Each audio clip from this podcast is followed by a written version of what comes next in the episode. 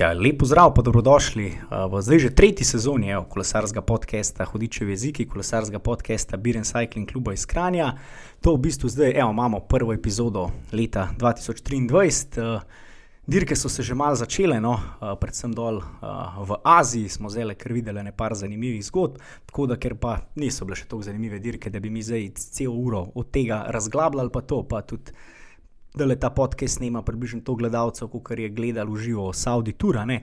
Tako da z tega vidika smo mi tudi danes v goste povabili uh, enega zelo zanimivega gosta, uh, direktorja članske ekipe uh, Roga, kaj je Roga iz Ljubljana, Ljubljana Gusto Santik, ki ima pa tudi kar precej izkušen tudi z dirkami in pa kolesarstvom v Aziji, da se tako malo navežemo. Tako da danes z vami Andraš. Matej, Žan pa že prej omenil Tomaš, tako da Tomaš, eh, lepo pozdravljen v naši družbi. Ja, zdravo, hvala za vabilo. Ja, nec pa danes uh, en slavi, en rojstni dan uh, nekje. Tudi se ima fleten, verjeten. Uh, tako da, Tomaš, uh, ja, hvala, da si se udeležil od tega našega podcasta. Pa mogoče začnemo evo, z eno tako zanimivostjo. Meni je bilo to zmeraj zanimivo, da si v bistvu ti en redkih ljudi, oziroma bivših direktorjev, ki imaš zdaj le v karavani, ker dva aktualna zmagovalca Grand Toura, se pravi za TD-ja Pogačar, jaz mislim, da relativno vsi vemo, da je nekako začel to svojo kariero v rogu oziroma člansko kariero po Ljubljana Gusto Santingu, ampak tudi uh, Jay Hindley, ne? aktualni zmagovalec uh, dirke po Italiji, je eno leto vozil pod tvojim okriljem. Kako se spominjaš teh dveh fantov, tako iz Continental, ravni, pa kakšen je v bistvu občutek? Zdaj, ko rasturate sceno. Um, ja, re, res je. Imel sem priložnost uh, delati z dvema zmagovalcema Grand Tour, včasih se pohecam, da imam že roza poromeno majico. ja, pa spomenikov, ne? Ja, pa pa spomenikov tudi že. Um, tako da, ja, Džaja Hindlija sem uh, spoznal v Avstraliji, delal sem za, takrat sem bil športni direktor uh, avstralske ekipe Ataki Gusto. Um, niti, niti ga nisem poznal, niti nisem vedel. Vlasnik ekipe ga je takrat povabil v ekipo, rekel je, da ima enega perspektivnega mladega kolesarja, um, ki je imel v bistvu kar precej zanimivo zgodbo za sabo. Um, in kar hiter je ta fante pokazal, z kakšnega materiala je. Um, tako da dejansko sem z njim delal dve leti. Eno leto kot športni direktor, naslednje leto je bil v, v razvojni ekipi um, zdajšnjega Jacota. Um, tako da, ampak še vedno sem skrbel za njega, kar se tiče priprav, se pravi, treningov, um, planov, pa teh stvari, ne, pa, pa svetovanja. Um, je pa še en človek iz Slovenije, iz Kranja, ki je veliko pripomogel zraven, pa delal z njim, to je pa Miran Kavaš. Um, tako da prvo leto sem več ali manj sam, pol sem pa videl, da je pač uh, tudi moje znanje treninga, posega tega je v bistvu uh, prerasel in sem zraven povabil Mirana Kavaša. Tako da je potem eno leto še Miran Kavaš skrbel, mislim, da je še pa še ničkaj večlo.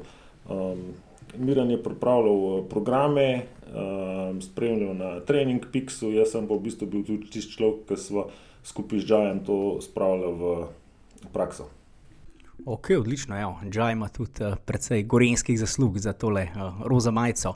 Uh, ko bi pa mogoče bi lahko primerjal Džaja pa TD-ja, glede na to, da sta oba tudi zmagova, zmagovala zdaj in zmagujeta tri tedenske dirke? Um, v bistvu sta si po karakteru kar precej podobna. Um, Meni, predvsem mi je všeč, noben od teh dveh fantov nič ne komplicira. Ne? Kar kol mu daš, je v redu, ali gremo gon. Ne?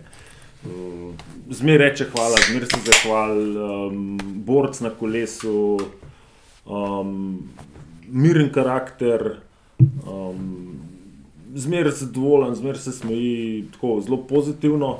Um, mislim pa, da je, da je pa tedaj še precej boljši kolesar, kot je Džaj. Predvsem Džaj ima, vem, ki ima hibe, ne, uh, ki jih tedaj nima. Govorijo o kronometru. Predvsem kronometer, je pa tudi tedaj v, bistvu v finalih precej hitrejši, pa tudi bolj agresiven. Tam, Džaj je dober, ne? če se mu vse poklop, pa če ne zgublja, bo na klanc tudi, če res v formi držal tedaj. Ampak mislim, da bo Džaj že do podklanca prišel, ne? ker bo zgubil tam, ki tedaj ne zgublja. Mislim, se o tem, da je dober, ne dvomim. Moš biti dober, da zmagaš Džiro ali pa pač kjerkoli tritedensko dirko. Pač, Kolikor smo se včasih malo tako zafrkavali, da pač enodnevno dirko lahko po nesreči zmagaš, pa tako malo splet okoliščin, pa to tri tedenske ne moreš zares. Ampak ja, meni bilo zanimivo, ker smo že ne, v bistvu on je že bil drugi na Džiru takrat v tisti koronski epizodi, ki je zaostal v bistvu zadnji dan skupaj proti Gengan- eh.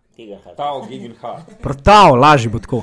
Protav, roza majico, uh, ampak kljub temu ga lani v bistvu nobeni nekaj resno imel. Tudi na stavnicah ni prav visoko tudi kotiral, tudi marsikjer strokovnjak, ga niti ni umenil med favoriti, pa je pol kar. Sem Džaj imel sezono 22 zelo slabo. ne. Um, tako da dejansko sem v tiste sezone z- čist ponesrečila. ne. In lanske noben ni pričakoval, tudi jaz ne. ne.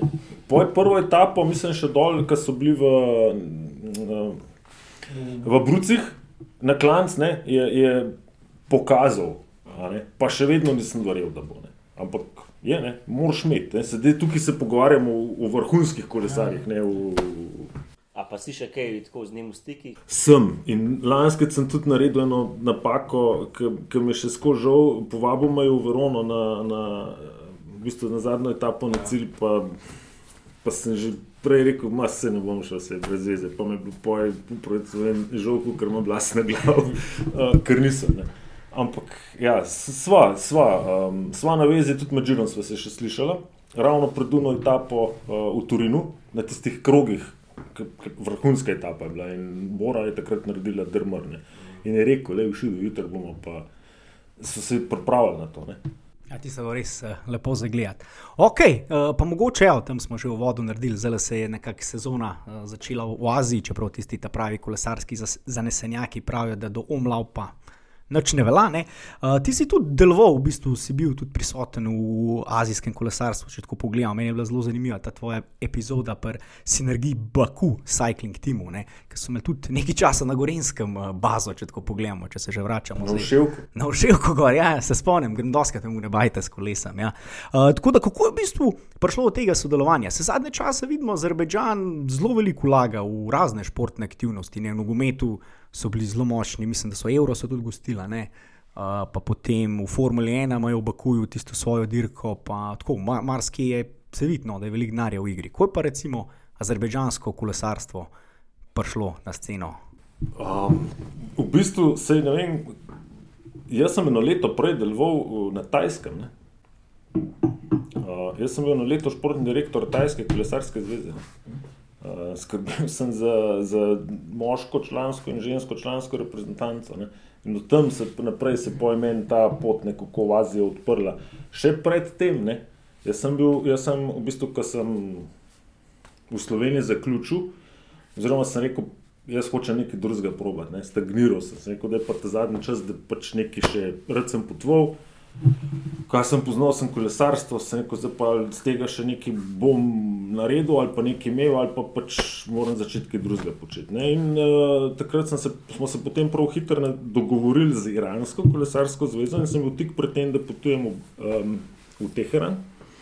Um, potem so pa tam na njihovi kolesarski zvezi prišlo do menjave vodstva, RAM in vse skupaj padlo v vodo. Ne? Tako da sem v bistvu zvisil.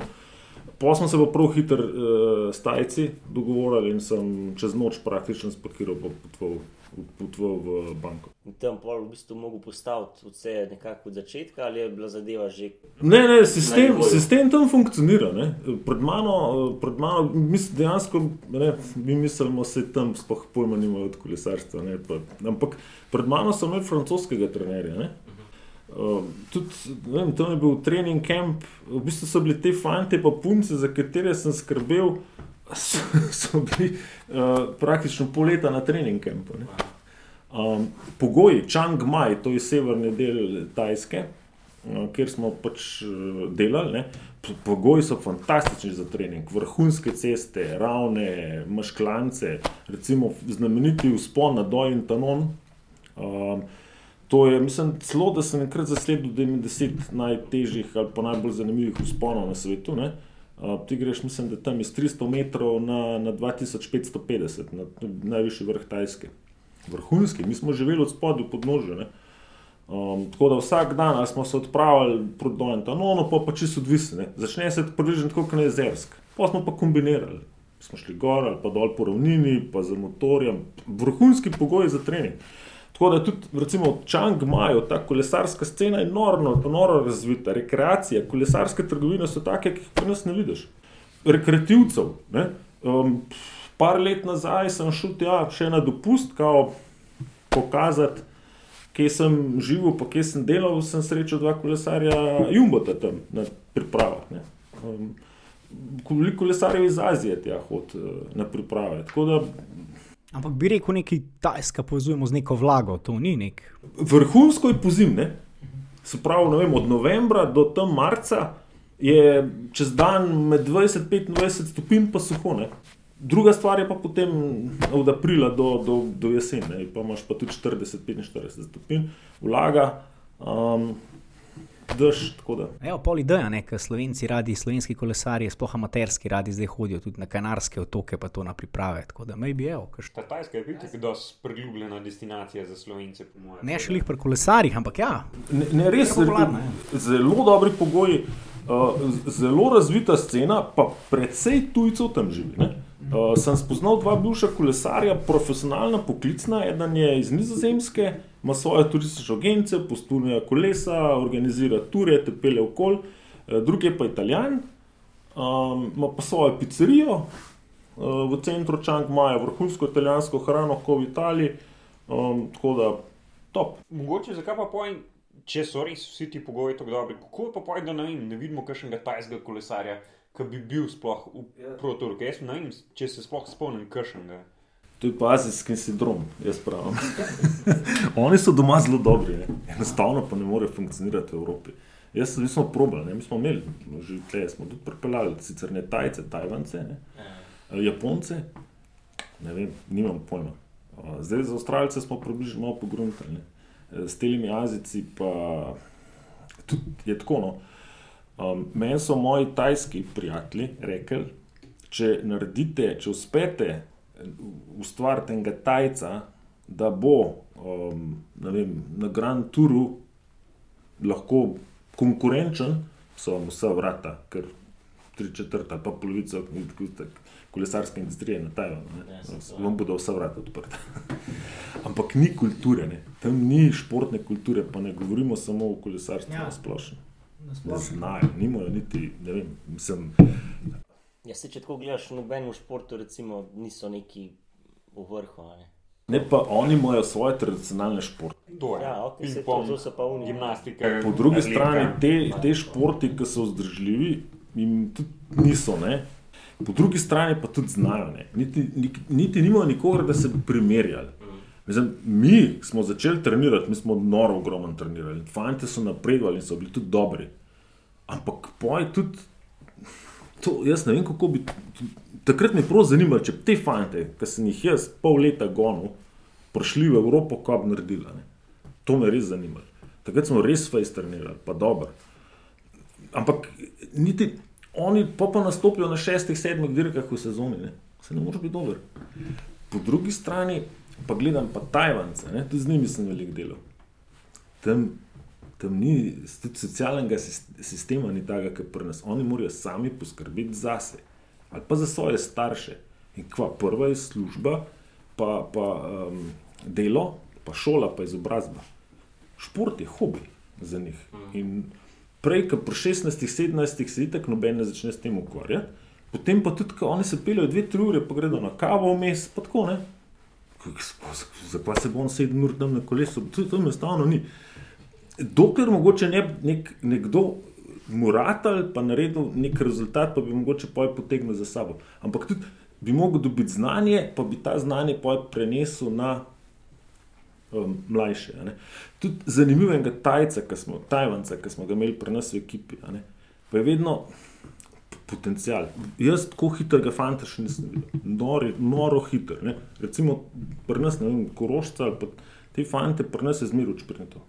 Zmeraj. Ampak problem je bil, ker ni zdržal, da bi sploh potem do šprinta prišel. Aha, tudi če je bila čist palačinka varianta. boš treniral po našem programu.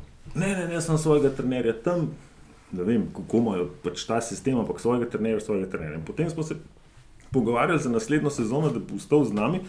Sem rekel, ja, lahko, ampak pod pogojem, da boš delal z našim trenerjem. Ker sem, sem rekel, pisal s tem fantom, tega fanta lahko nekaj naredimo. Pa, o ne, ne, jaz bom s vami trenerjem delal.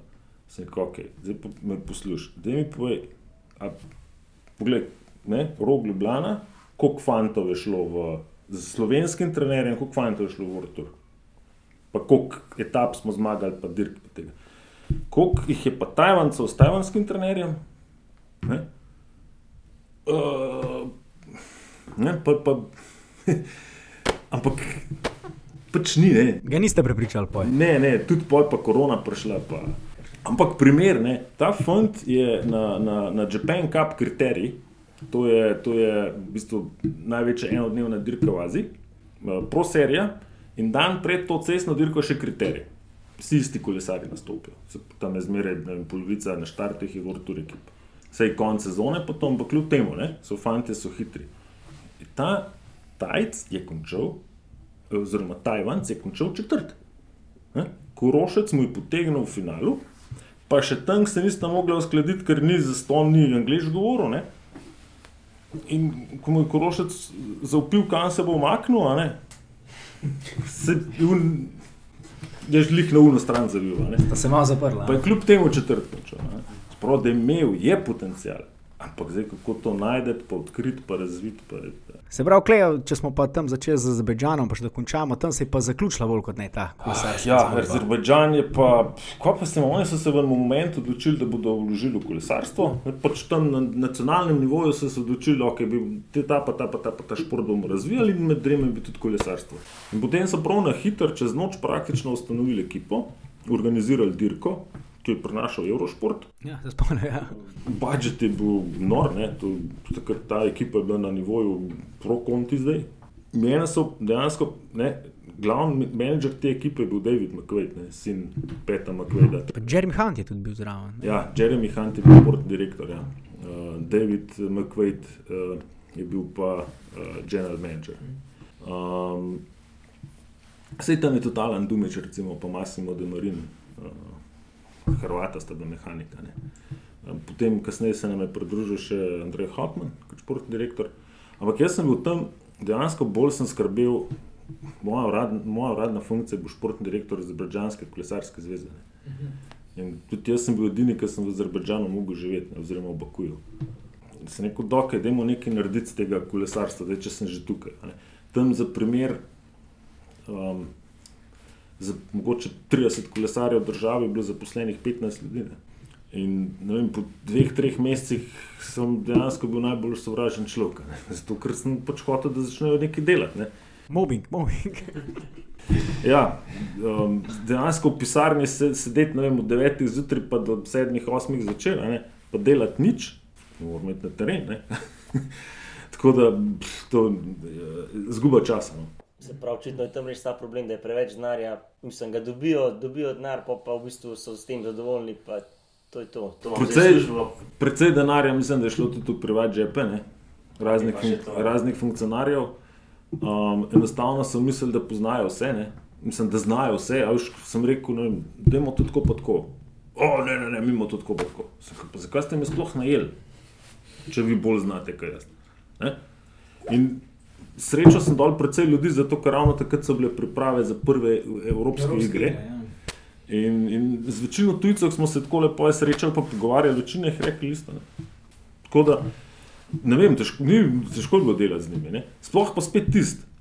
Enostavno nimajo tistega, oni so super za wrestling. Ne. Pet ur sem atrat na kolesu, pa in pa plihnino. Ja, ampak kljub temu, ko se jaz spomnim na to ekipo, ja, kot sem rekel, se spomnim eh, tega Vševka, pa da se doske te kolesarje klev kol srečo, ampak se spomnim tudi eh, Trga Bana Jelačiča, pa Matije Kvasine, ki je v bistvu 2016, mislim, da zmagal to dirko, ki je bil, se mi zdi, takrat zelo tak lep uspeh. Ta dirka, ta Crow Race, oziroma takrat je bil še, mislim, Tour of Croatia, je bila že takrat na nivoju, da je bilo, mislim, da 5-6 protur ekip tam. Ja, sej, mislim, lej, sej, ekipa, a ne. Uh, Morate vedeti, da je ekipa imela ne, mislim, 13-14 kolesarjev, tega jih je bila polovica tujcev. Še slovensko državno majico nekaj časa. Ne? Ja, ja, Matej Mugrli. Ja. A, Polovica je bila tujcev in to ne slabih. Ne. Jeremy Hunt je bil v bistvu vrhunski športni direktor, Andrej Hautman isto. ne. Vse takrat, ko so dirko po Hrvaški zmagali, je bil Andrej Hautman športni direktor. Jaz sem jih takrat že zapustil, jaz sem takrat že delal v Avstraliji, pa na Tajvanu. Ne. S Hindljem smo ga preglih omenjali. Ja, ja.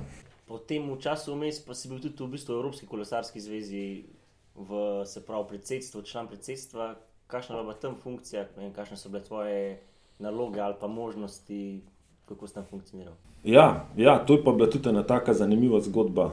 Um, v bistvu, vem, Slovenija nikoli ni bila prav neki dejavna na tem področju. Ne? In potem, mislim, da je leta 2007, jaz sem bil čist privat v Varezu na svetovnem prvenstvu, ker me kliče Martin Hvast. Ja, bil pa sem neki pri kolesarski zvezi, ne nekaj sem bil zraven, sem bil predsedstvo, da se se niti ne spomnim.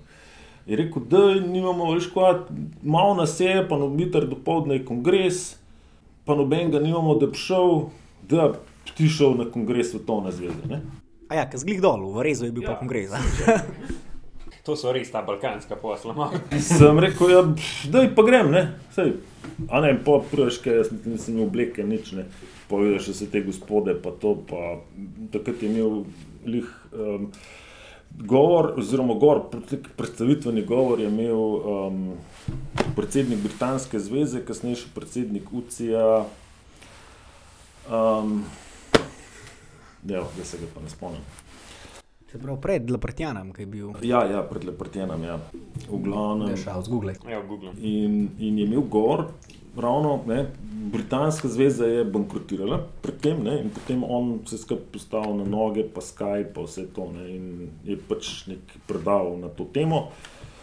Um, pa pa vse to, ne, tako, pač tisti kongres, vse to je bolj formalnost, a ne. Brian Cookson, Ja, Brian Cookson, ja. No, in uh, to mi je bilo tako zanimivo, ne, sem rekel, pustimo se to pa tako, ne, to je kul. Cool. In smo, sem pa tudi na kolesarski zvezi takrat, uh, sem rekel, zdaj pa, a ne, film, film pa lepo, da je tudi Slovenija zraven, ne. Pa, ampak, če se strinjate, se jaz tega lotam, tako kot se zagre. Ne? Bom hodil na kongrese, bomo lobirali, bomo probali čim več ljudi spoznati. Ne? In um, tako sem po naslednji let, mislim, da sem šel prvič na Evropski kongres v Varšavo. Pojma nisem imel, zakaj se gre, noben ga nisem spoznal, pa volitve so bile. Ne. Takrat sem že kandidiral za neko manjšo funkcijo. Um, in sem takrat ful dobro spoznal takratnega, takrat, uh, takratnega generalnega sekretarja Rolanda Hoferja iz Švice. In smo se pa v naslednjih letih res nekako povezali. In lahko rečem, da me je kot nek mentor postal. Ne?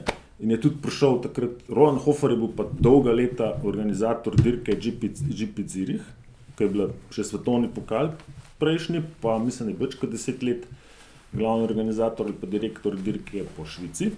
Tako da znan gospod v kolesarstvu.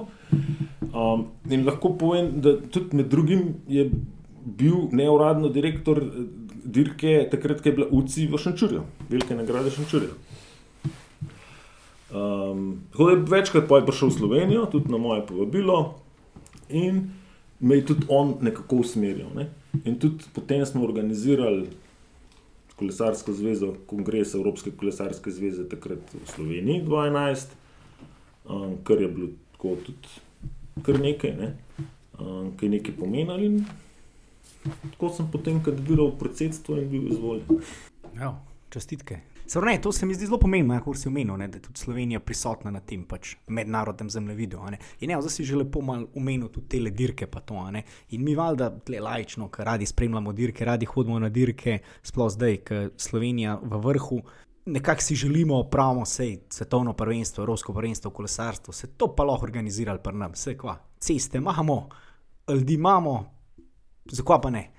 Kva ti misliš iz tega, bi rekel, uh, strokovnega vidika? A bi to šlo, a ne, sploh tudi z vidika tega, da so in Svetovna kolesarska zveza in Evropska kolesarska zveza sta kar mal spremenila formate teh tekmovanj v zadnjem času. A so tle finance največji problem ali tudi ostale zadeve? Recimo?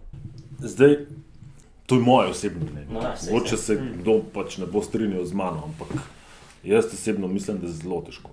Realno s tem UCI-jevim formatom, ki ga hočejo, ki, oziroma ga hočejo speljati letos, oziroma ga bodo, to je nemogoče. Sprav, ja, v bistvu, ja, za, za poslušalce, ne, spravuci ima zdaj eh, idejo vse kolesarske discipline dati na eno lokacijo, se pravi svetovno prvenstvo v uh, cestnem kolesarstvu, gorskem, BMX, uh, pista. Ali pa imaš še te bizarne discipline, se pravi ta fuzbol na kolesih, pa umetniško kolesarjenje, pa vse to, vse to spada pod UCI. Pa mislim, to so te stvari, ki jih tudi ne. Pa amaterji, mislim, ok, dobro. Za amaterje je Slovenija, po mojem, še neki potencial, ampak imaš pa poj ogromno teh stvari, ki pri nas res niso tako zelo zanimive. No. Evropsko prvenstvo so pa zdaj lani v Mihnu naredili ne kot neko tako multišportno. Ja, to je pa, to je pa druga zadeva, ne? to je pa vsake štiri leta. Tako da dejansko to bi težko tudi Slovenija organizirala, to skupna evropska ja. prvenstva, že zaradi infrastrukture. Tako. Ampak Evropsko prvenstvo, posamično, cestno dirko, pa, to pa mislim, da je pa čisto realno, da, da bi se dal speljati v Slovenijo. Tudi, tudi finančen zalogaj ni, ni prevelik, mislim, da ne. Mislim, če kdaj bi bilo verjetno zdaj za izkoristiti, kaj imamo. Definitivno. Zdaj čistko. Neka informacija, zdaj, koliko je to res, koliko to ni res. Vem, da se, pač so se neki dogovarjali s Furlanijo, Julijsko krajino, pa Prnas Gorica. Ne? da bi bil nek potencial v nekem skupnem organiziranju. To se mi tudi tako zdela, kar zanimiva ideja. Ne? To govorimo za Evropsko prvenstvo. Ne v svetovnem. Ja, Ampak je ravno ta gospod, ki je bil gonilo um, kolesarstva, ki je tudi odkril zon kolan, pa zdaj višarje, pa jih uvrstil na program Džira, je nedavno uh, umrl. Ne? Tako da ne vem, koliko bo zdaj to stvari zavrl. Um, to, to mogoče niti ni bila tako slaba ideja, mogoče celo izvedljiva. Ne? Ampak svetovno prvenstvo v kolesarstvu, samo če govorimo o cestnih dirkah, po kronometrih, brez še ostale discipline, pa tudi mi se pogovarjamo o 10 milijonov plus. Ne? Ja. Kaj pa mogoče, ker smo bili pri tem, kaj pa naprimer, da bi Slovenija enkrat gostila, ne vem, Giro, Štar Gira, dve, tri etape, kakšne je to? Ne, to je to... pa to realno, vse to je že bilo. Ne? Ampak to, Zdaj to, so to taki vložki, to mora, nek, so, ne vem, to mora nekdo izkazati komercialen interes. Ne? In to so zdaj ali pokrajine, ali država, ali mesto. Tukaj jaz ne vidim, da bi pač nekdo, to so, to so velike vložke. Ja, se pravi, le je realno edino vprašanje. Ja. Okay, ja, nisem dobro, se to vsi bolj ali manj strinjajo. Pač interes in država in občine bi mogli. No, ja, ampak če se keš najde, se poj tudi najde vse ostalo. Pa... Slovenija je, je um, organizacijsko že večkrat dokazala, da je sposobna velike stvari narediti. Ne? Je pa po drugi strani se vprašamo, številke. Ne? Svetovno prvenstvo en da, v enem dnevu obišče tudi 400-500 tisoč gledalcev.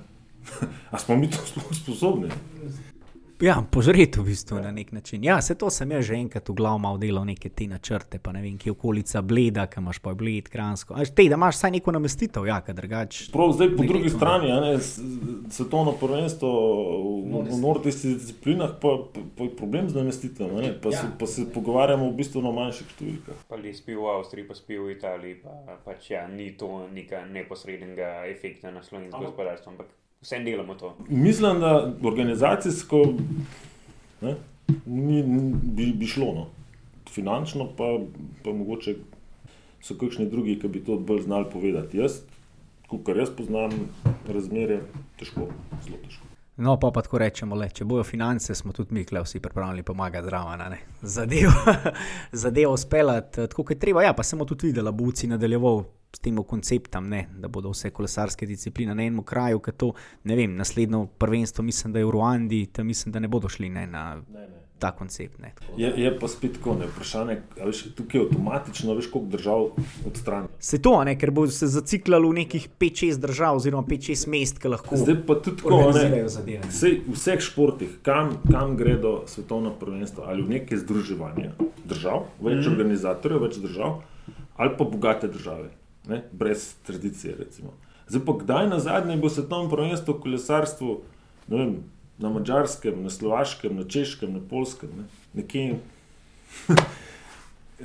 na vzhodu, pa tudi kolesarstvo popularno. Ne? Ja, jaz se ne spomnim. Ja. Ja, mislim, da je bila če, Čehoslovaška. A ja, še prav tako, Čehoslovaška. No. Čehoslovaška, da je železno zavesno. Ja, no, tako je. Ja. Sem jaz začel gledati eh, kolesarstvo, se bolj spomnim teh mest. Ja, Salzburg, Vareze, tam se moj spomin seže, takrat enkrat sem začel zgodbo malo bolj, malo bolj resno spremljati. Ne. no, če smo mogli reči pri dirkah v Sloveniji, če malo pogledamo to kontinentalno sceno, kako se ti pa to zdi, ne vem. Pa se tako, generalno niti ni tako slabo. Ne? Mislim, se v bistvu dirk je Moramo, teh nižjih, ja, nižjega ranga kar predvsej. No. moramo pogledati, a ne, da mi imamo recimo zelo v Sloveniji ne, pet enodnevnih dirk. Um, se pravi, začnemo z izolo, imamo full lep paket v aprilu, oziroma marcu. Ne, izolo, Vipavsko dolino, Adrijo, um, potem imamo Maja uh, Gorenjsko. Gorensko, Tlele v Crklah, pa potem veliko nagrado Kranja, pa dirko po Sloveniji. Ne. Um, škoda, zdaj ok, pač še ta, ki je bila Hrvaška Slovenija v septembru, bi pasala super tam noter. ne. Mogoče po drugi strani, ok, dirka po Sloveniji tako prerasla, ne, um, slovensko kontinentalno sceno. Um, ampak mogoče ena dirka, ki bi nam res noter še pasala, bi bila ena etapna dirka kategorije 2. Ne. Se recimo ne. Za naše Srbija, kontinentalne pa, ekipe. ne. Ali pa Uber Osterih. Ali Ja, ja, ja, ja, ja. Ta- ta se varianta. prole, To, to, to. koncev, ne. Ja, ali pa Istra, konc koncev, ja, sej tudi. Ja. To, to. Ej, mogoče pa to, kaj pa, a se zdi, da mogoče bilo za slovensko lesarstvo tudi dobrodošlo, da bi imeli več teh nekategoriziranih dirk, te variante, neki kriteriji, neke dirke, ki niso pod UCI ukriljem, pa vsem dajo neko možnost, da se pač ti naši kolesarji pokažejo.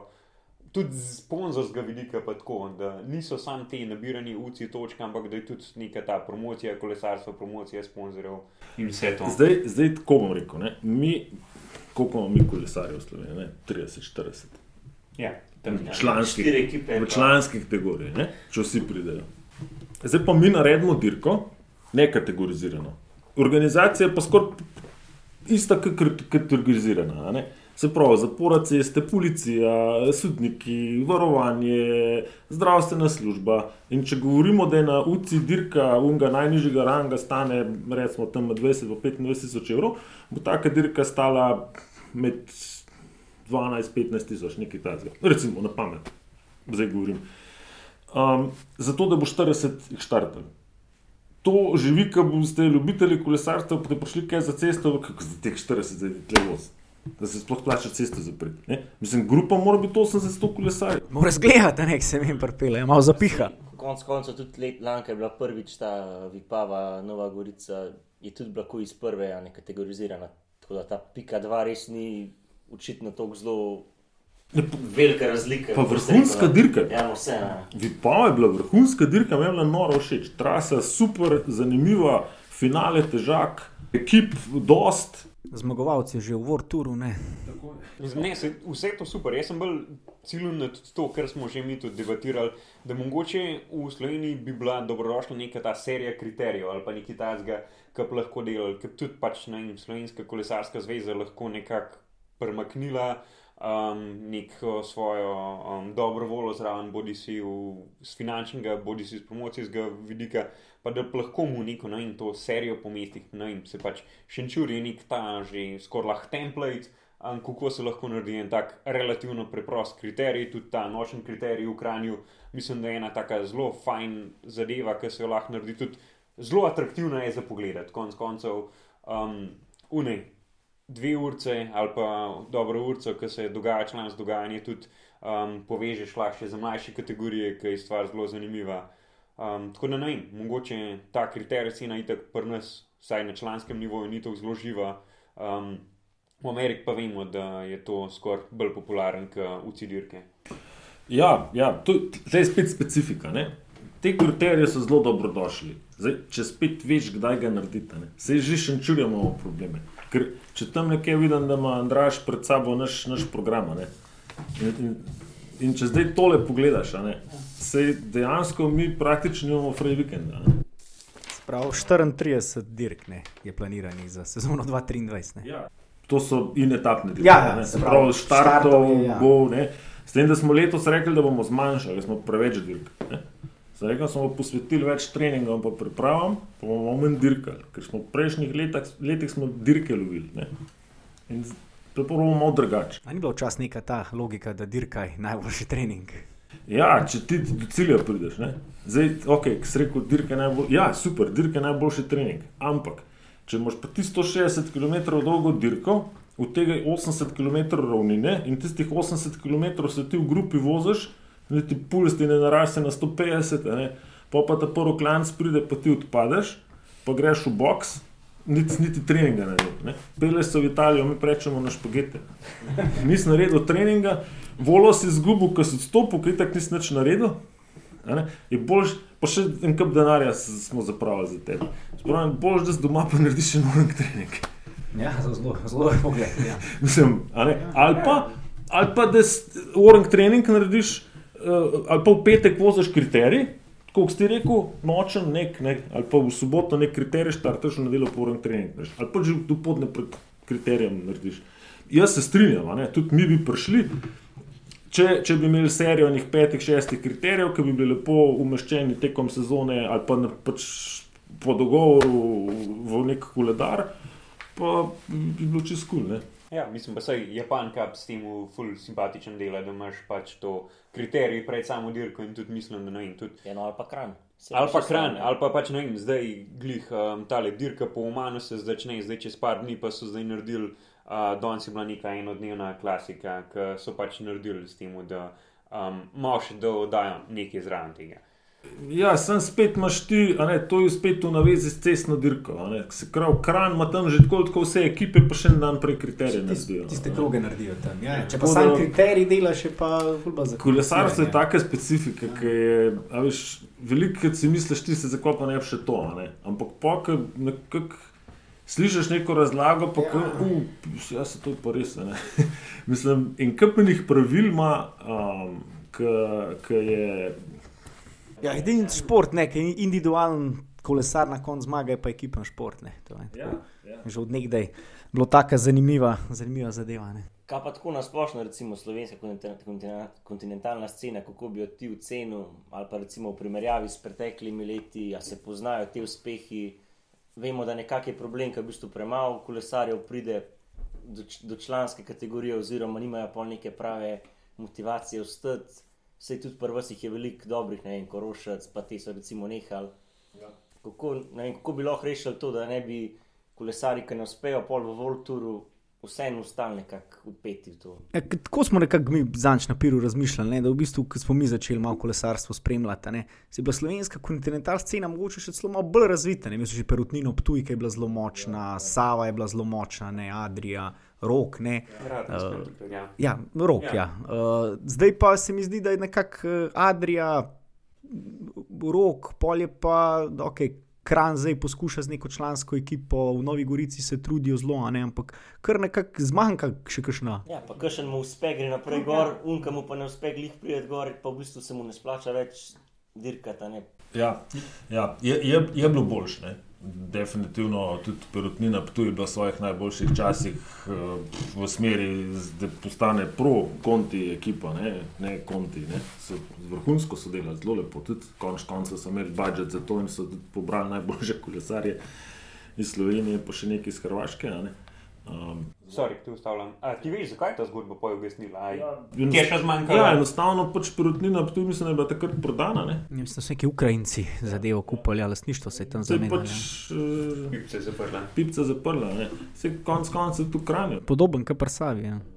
A Ne, to se je lahko zgodilo eh, takrat, pa ne lih čez noč, ampak če pr- rečemo, da je takrat kolesarski klub Sava Kran obstajal, ne vem koliko 30-40 let, se je dejansko zgodilo čez noč. ne. Ampak tako pa če.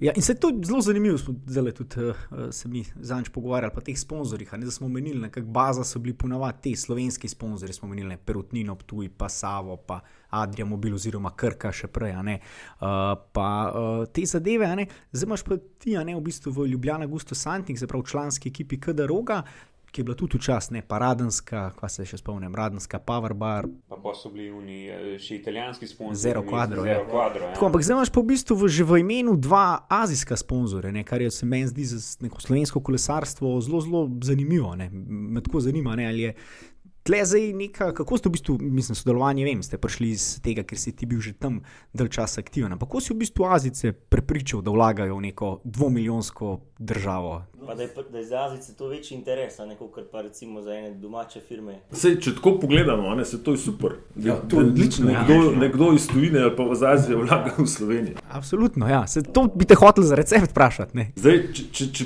če grem nazaj, a ne, um, kontinentalna scena, pa vse to. Ne, morate vedeti, da tudi kontinentalna scena, pa tudi kontinentalne ekipe gredo precej naprej, ne, so precej ta ranke, precej napredov.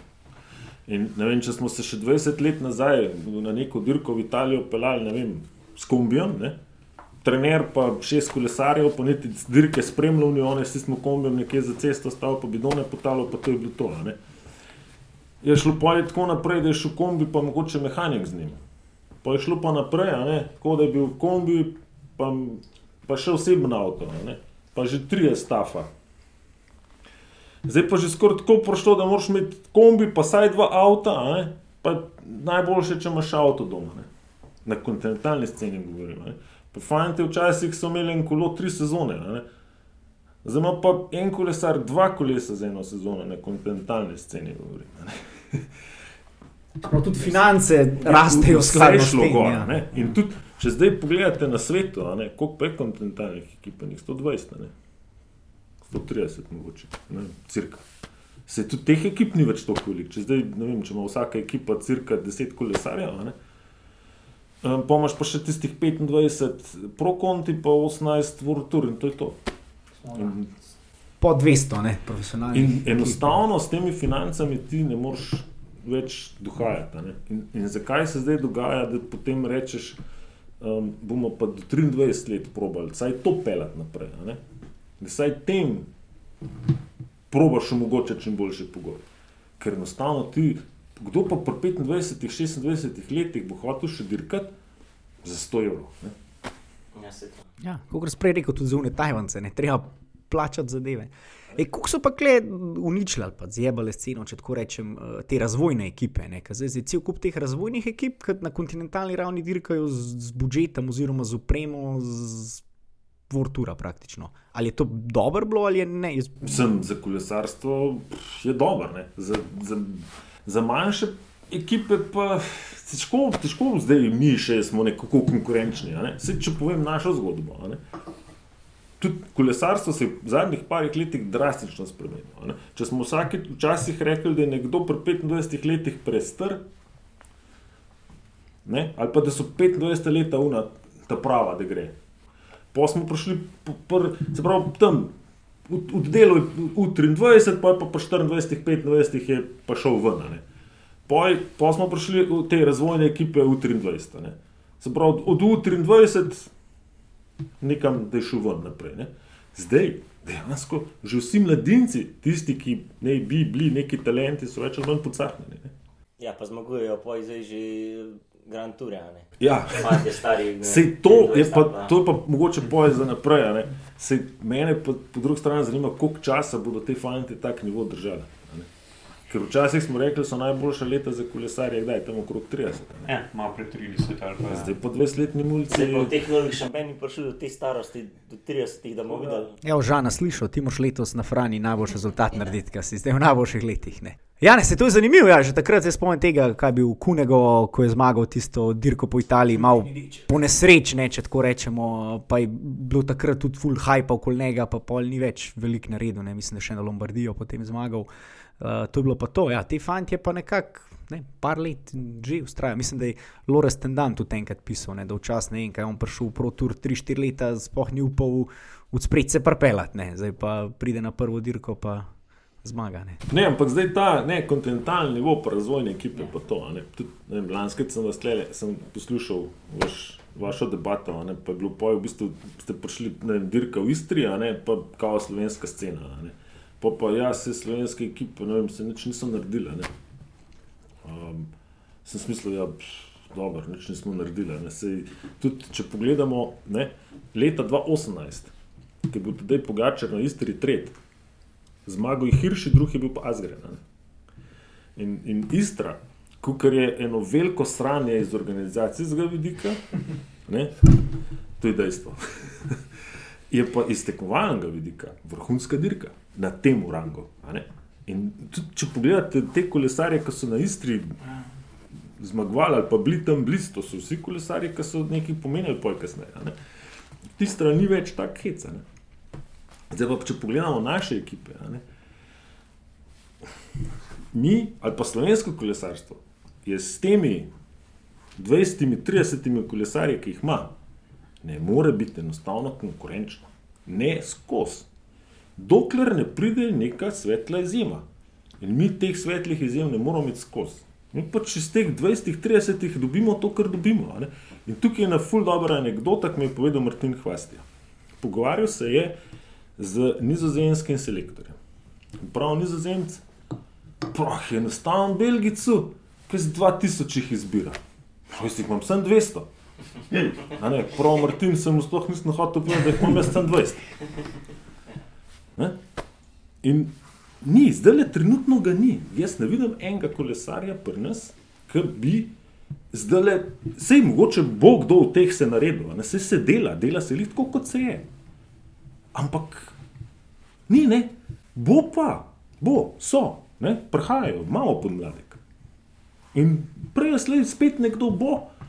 In zdaj pa razvojne ekipe, ne, te ta velike, mi si enostavno, mi si ne, ne moramo pripeljati nekega tujca.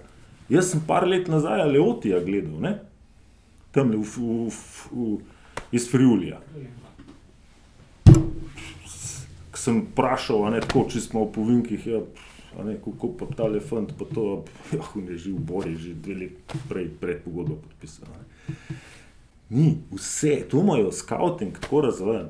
Tudi v 18-19 letih vsi za Ja, ampak kako smo pri tem skautingu pa mladih? Tudi v Kaderok je ta Kristjan prišel, ne, uh, ki je v bistvu uh, Švicar, ki je ja. zdaj ima že tudi, mislim, do 2027 neko predpogodbo. Ja, ja, to je pač Pogitim. a ne? Pogitim, Ja, ja. ja. Se pravi, oni tudi, kaj je Pogitim, ki smo zdaj mogoče v tem skautingu.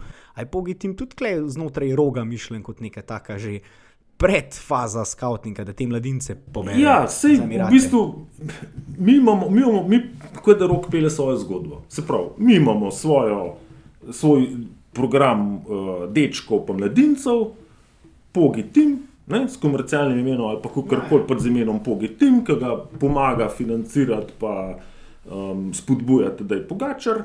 Vodja Pogi Tima je Miha Koncilja in še v tej njegovi ekipi, trenerjev, mislim, da jih je še celo premalo, glede na to, koliko je zdaj otrok. Delajo super, Miha Koncilja je vrhunski strokovnjak, eh, res odličen dečko, mi super sodelujemo. Tudi eden od športnih direktorjev naše ekipe, če potrebujemo z veseljem tudi skoč.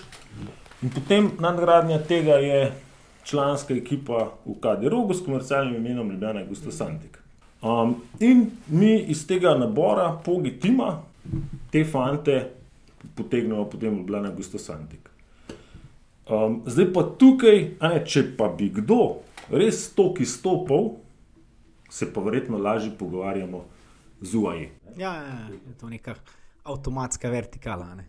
Kaj pa mogoče zdaj, ki si malo začel govoriti od tega, da nekak, kak, kakšna je recimo tvoja točna vloga v ekipi, se pravi, ti skrbiš za sponzorje, se menjaš s kolesarji, kaj vse v bistvu so tvoje naloge, se pravi, vo- vodja ekipe, ko je uraden naziv. Ja, zdaj uradno je po UCI-ju mogel biti ne? ali pa general manager, sprav generalni direktor. Ja, odgovoren sem za finance, odgovarjam za budžet, za to, da, imamo, da imajo fanti sredstva, upremo, da, da ne zapravimo več, kot imamo. Da, da je kdo bo v ekipi, se dogovorimo skupaj s športnimi direktorji, se pravi, tudi Miha Koncilija je tukaj en pomemben uh, člen. Um, Pa program Dirk. program Dirk sestavljamo s športnimi direktorji skupaj, zdaj pa ne, ponavljate zmer tako. Ne, Hoteli bi več, ali pa hoteli bi več priprav, pa moramo to pa se nekako skladiti skupaj s financami. Um, A pa je recimo pri financah ne vem, viden napredek po teh uspehih, ki jih slovensko kolesarstvo v zadnjih letih doživlja. A se to tudi pozna, pri, ne vem, recimo za vas, večji interes firm ali to še ni. Nam se predvsem pozna, da je prišel Gustav v Slovenijo, pa so dobro štartali. Ja, s to imamo tudi še eno debato za naprej. Ej, to me še zmeraj zanima, kako si gusto, pa sem tik prepričal. No. Ampak ok. Um, Če najprej sam te slovenske firme, ko v bistvu bi res mogli. Po, pozna, a veš, koliko se pozna? Pozna se tok, da včasih te sploh noben ni sprejel. Ne. Zdaj se posaj, kdo pogovarja s teboj. Ker je pa kolesarstvo zdaj postal tako popularen, pa tako zanimiv, da če ne drugega, to vsak malo poje vpraša, kaj pa kaj pogača, proglič pa tako. Ja, pa mora biti zavedanje, da če ne bi bilo, ne vem, vaše ekipe ne bi bilo pogačarja v bistvu. ne. Mislim, je žalosten, da ne več dajali to, kar post tudi takemu talentu lažje zgodi, da izplava. ne. Vse jasno. Ampak tega je tudi, veš, Ni- ni- pa, pa je Luka Dončić, pa Jan Oblak. Pa je, ne, in v Sloveniji je zelo majhen Ja, nabor pa um, teh podjetij, ki lahko dajo. Ne. Se pravi, pa, pa zdaj spet ni samo šport, je tudi kultura, pa so druge stvari. ne. In zdaj pač te ljudi prepričati, teh, ki pa jih hočejo prepričati, je pa. Imamo pa preveč vrhunskih športnikov v različnih športih, da je Ja, mi imamo tukaj tudi srečo, interesov. tudi uh, Ljubljana ne, kot mesto je kar velik podpornik športa. No, tako da. no, zdaj pa še lahko to. Ja, ti azici, azici me zanimajo. No. ja. Gusto pa santi. Pa da malo spije najprej. A ima še pir? Ja, imam, imam. A veš, kako je? Ne? Zdaj, um, jaz sem, sem začel hoditi po Aziji. Ne? Nikoli, nikoli nisem nikjer, ali pa ta človek sem, da nekjer, ne, ne, zmeraj raj stojim en korak zadaj. Zmeraj sem odprt, um, nikoli pa nisem tisti, da bi se izpostavljal. Rad, ze- zelo rad se pa pogovarjam z ljudmi, pa navežem prijateljstva. In lahko rečem, da smo pač s tem lastnikom ali pa solastnikom Gusto, tako kako so res v teh letih, ko smo sodelovali, ratale dobre prijatelje. Res dobro. Konec koncev so včasih tudi kakšno pivo uh, skupaj spili ali pa kakšno pivo preveč. Takrat v Aziji, ki ti je dolg čas, pa ki ti tri mesece ni doma, pa se v Šanghaju z nekom dobiš, da se lahko z njim pogovarjaš, zakaj pa ne. ne. um, in um, pač ne, smo bila prijatelja, čistko. Um, potem pa ta ekipa, a taki gusto, kjer je bil tudi Jay Hindley, je uh, lastnik ali pa glavni bil pač nek Avstralec, ki je vse skupaj malo zafural. In je ekipa po dveh letih klarno propadla. Jaz sem pa takrat s temi fanti, večina je bila Avstralcev, smo res tako en tak pristen prijateljski odnos navezali. In eden izmed njih, Timi Gaj, je prišel čisto za par mesecev v Hmenu Slovenijo trenirati. Takrat je imel moj sosed, ravno je končal prenovo hiše, je imel od spodaj, od spodnjo pritličje, prosto stanovanje in je rekel, da jim ga jaz oddam, ni problema. a ne." Um, in je v bistvu bil pojti mi moj sosed v Šenčurju. In, ne, jaz sem malo skrbel za njega, da je treniral, on je tle, kako je bil tle, po mojem, dva, tri mesece. Um, v tem času je tudi ta ekipa nehala obstajati, oziroma so rekli, da pač naslednje leto ne bo več. In ti mi ga je rekel, pismo smo morali nekaj, on bo tukaj delal. Ne? Um, jaz sem se takrat pogovarjal še pač sem rekel, bo treba nekaj, ne? sem, sem se pogovarjal tudi z drugimi. In takrat je ti mi pismo, kaj pa če bi jaz on, imel pa svojo neko head crack, neko fundacijo, eh, ki se je ukvarjala, oziroma se ukvarja z zavešča- o za- zaveščanjem z mentalnimi težavami ljudmi, ne? depresije pa te stvari. Je to pač je precej takih ljudi, ki imajo take težave in je pač v tem tudi sam imel take probleme in je o tem govoril. In, ne. je rekel, da kaj pa če bi se iz tega sofinanciral. Pol je pa, pa ne vem. Da se z njimi slovenski ekipi pridružimo. in pa, ne vem, takrat Andrej Hotman je predlagal, rekel, da je tu rok vprašati, oni imajo pa tudi težave, pa bi člansko ekipo probali na nek višji nivo spraviti, pa ne dobijo sponzorja, mogoče je bila pa tukaj varianta. Potem so res so šlo v rok, so se strinjali, ok, ampak tukaj govorimo zdaj o majhnem vložku. ne. Um, in v tistem sem jaz rekel, pismo, kaj pa če brez herija z gusto te vprašal, mogoče se pa hotel pridružiti. In smo mu tako res lepo prijazno pismo napisal, ne, Harry, lej, vem, so dobro sodelovali, nažalost zdaj to ne, ne gre več, ampak jaz imam pa zdaj drugo opcijo, a bi se mogoče tukaj pridružil. Ne. Čez sedem dni bo tle v Sloveniji. In smo se zmenili. Takrat to Ja, traja. To je bilo poj tak, Sauron je bila, Sauron gusto sam. Gust, ja, ja, ja Sauron, takrat, v smo poj, ta. takrat smo poj še nekako k Saurom dobili zraven. Um, to je bil tako. Se pravi, k Saurom je bil recimo nekih 20% budžeta. No, takrat. 20% dejanskega budžeta ali projiciranega budžeta? Ne, ne, pa vse smo kar dobili, no. nismo dobili vsega, ampak večino pa no. Tako, Sauron je bila neka ta kripto zgodba, ja, ne, ki se pa je tudi dosti klavrno končala. Pa, dobro, se teh kripto zgodb v kolesarstvu Prtmaje nekaj videli. na, prtmaje na krku so gradili. Drug, drug problem je bil, če bi 80% Ja, budžeta. ja. Ja, ja, Pa bi bilo po isto 20 na koncu. pa- ja.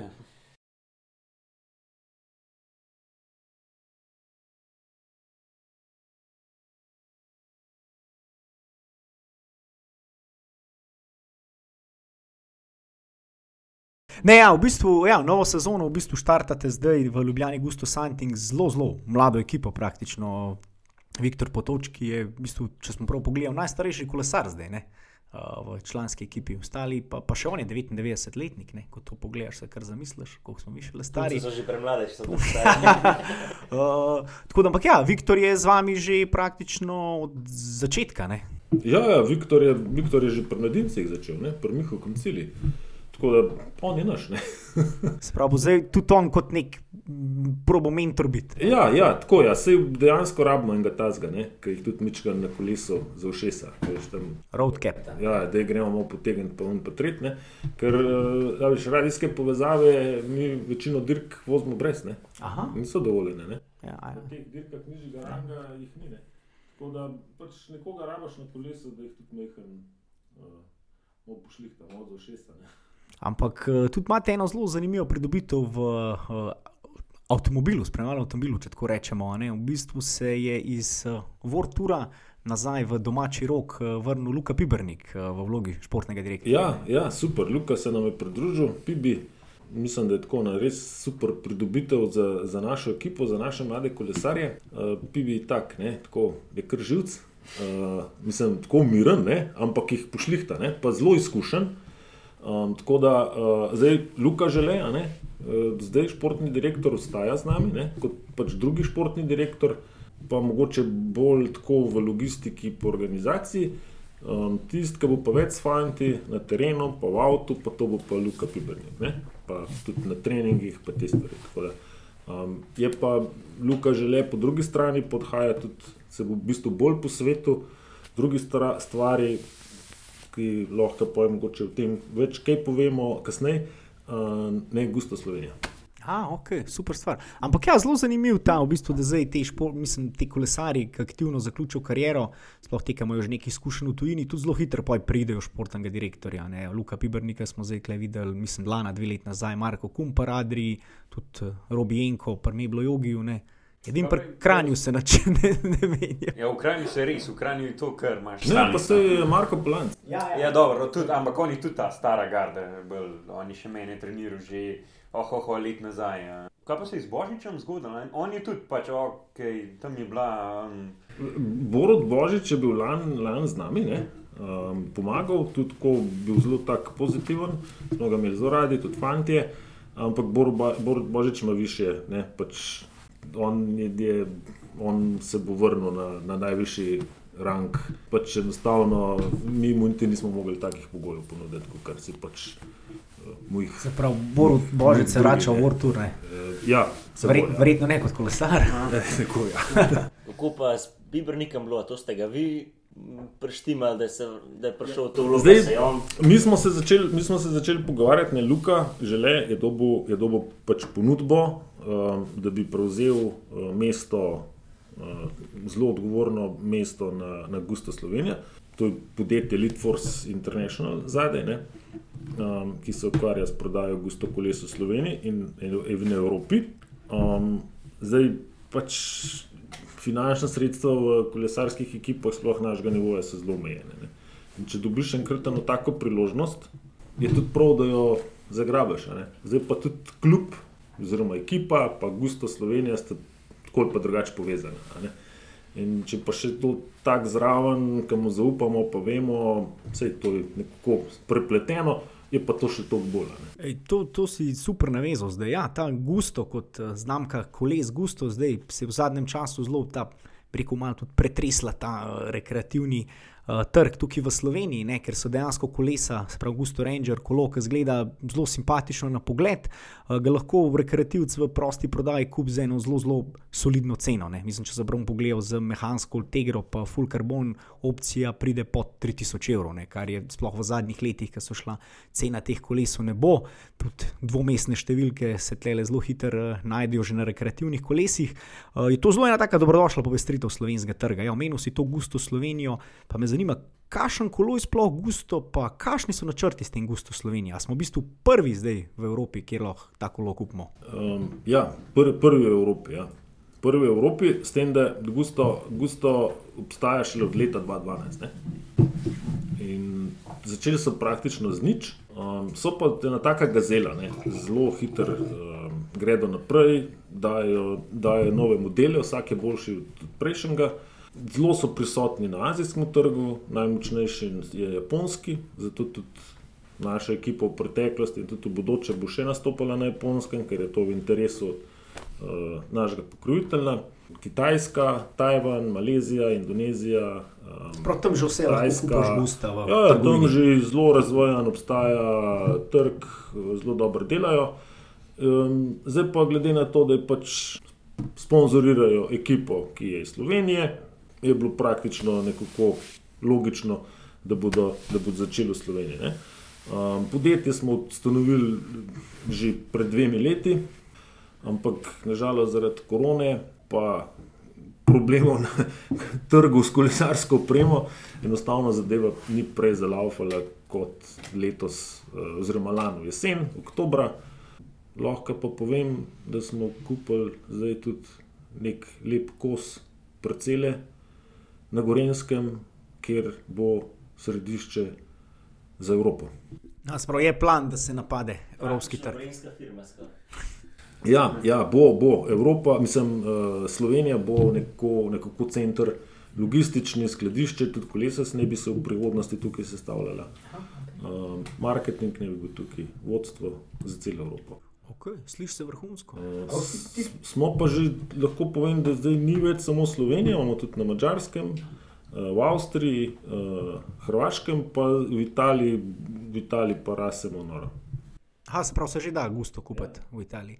No, ja, to me zanima, Tomaš, ti si verjetno v svoji karieri prevozil še pa još enih različnih znamk, koles pa to. Vemo, da tudi rekreativci smo zelo občutljivi, zdaj kera znamka se voz, eh, gun tret. Kako bi ti opisal ali pa ocenil gusto kolo ali pa mogoče kakšno primerjavo naredil? Oh, jaz zdaj gusto ta vozim že od 2016. En prvih. Ja, RCR model je bil prvi. ne. Uh, pa si že tisti je bil čisto soliden. ne. Um, tako da zdaj vozim uh, Rangerja in meni nudi vse, kar jaz rabim. Jaz sem zadovoljen, um, sicer zdaj ne vem, če sem jaz merilo, jaz delam tam med 3 in 4 tisoč km na let, fleten se vozim, tudi, vem, tudi po 150 km, ampak uživam, da gremo mes na kavo, pa pa na koncu na pivo. Ampak to je to. Mislim, za ta denar ne verjamem, da bi dobil boljše kolo. Res. Prav za enega tega poprečnega rekreativca je to top kombinacija zdaj. Nadpoprečen. Mislim, saj imaš profesionalce. Ja. mislim, če lahko tedaj pogačal dirko s tem kolesom, lahko verjetno tudi velika, velika večina rekreativcev v Sloveniji, vsaj unika, niso preveč prestrani. No, sej, lej, konc koncev, ne vem, Jai Hindley zmagal GPK podarko z Gustotom, ki je, ne vem, svetovno prvenstvo za kolesarje ali pa neka klasika za kolesarje do 23 let. Če to dirko zmagaš. Ne? To je bilo takrat prvo leto, ko sem jaz eh, bil njegov športni direktor, je zmagal GPK podarko. Tisti, ki se na kolesarstvo spoznajo, vejo, da je to taka dirka, ki, je, ki jo zmagaš, greš naravnost v vrtule. Ali pa pač takrat si na, na, imaš vsi skauti ali pa vsi športni direktori za te vajo. Um, in je zmagal z Gustavom. Tadej Pogačar je zmagal z Gustavom Tour de l'Avenir. Tako da, lej, jaz mislim, da.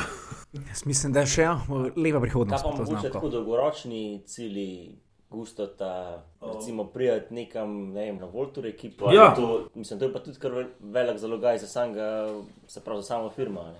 Ja, imajo. Je, pač Enkrat mi je že omenil, ne? je rekel, ja, bi radi bili nekrat nekoč upremljevalci neke vrtur ekipe z gusto koles. Ja. Tudi potem sem ga rekel, pa da nam ta denar. ne." Boš še mi na tur? Ampak je, veš, pa je rekel, ja, lej, sej, če tebi dam 2 ali pa 3 milijone, ne? pa vi še skozi ne boste šli na tur. Ampak je rekel, po drugi strani pa ne skrb. Mi bomo že poskrbeli za vas, ne bomo se umaknili, ne vas bomo podpirali. Kaj pa, no, še to mogoče, ker ste rekel, da je v bistvu kdaj 2012 začeli z izdelavo. Kako pa, mislim, glede na to, da poznaš tega gospoda osebno, kako pa se je on tega lotil, oziroma mislim, kako kar začneš delati svoje kolesa. Um, zdaj, ja, tukaj spet, to je zdaj, zdaj spet tukaj zgodba od zadaj. Um, ta Harry je pač CEO, Lead Force International Taiwan. Ne? Um, lastnik tega podjetja je pa mislim, da tretji najbogatejši Tajvanc na svetu. Med drugim tudi lastnik znamenite eh, stolpnice Taipei 101.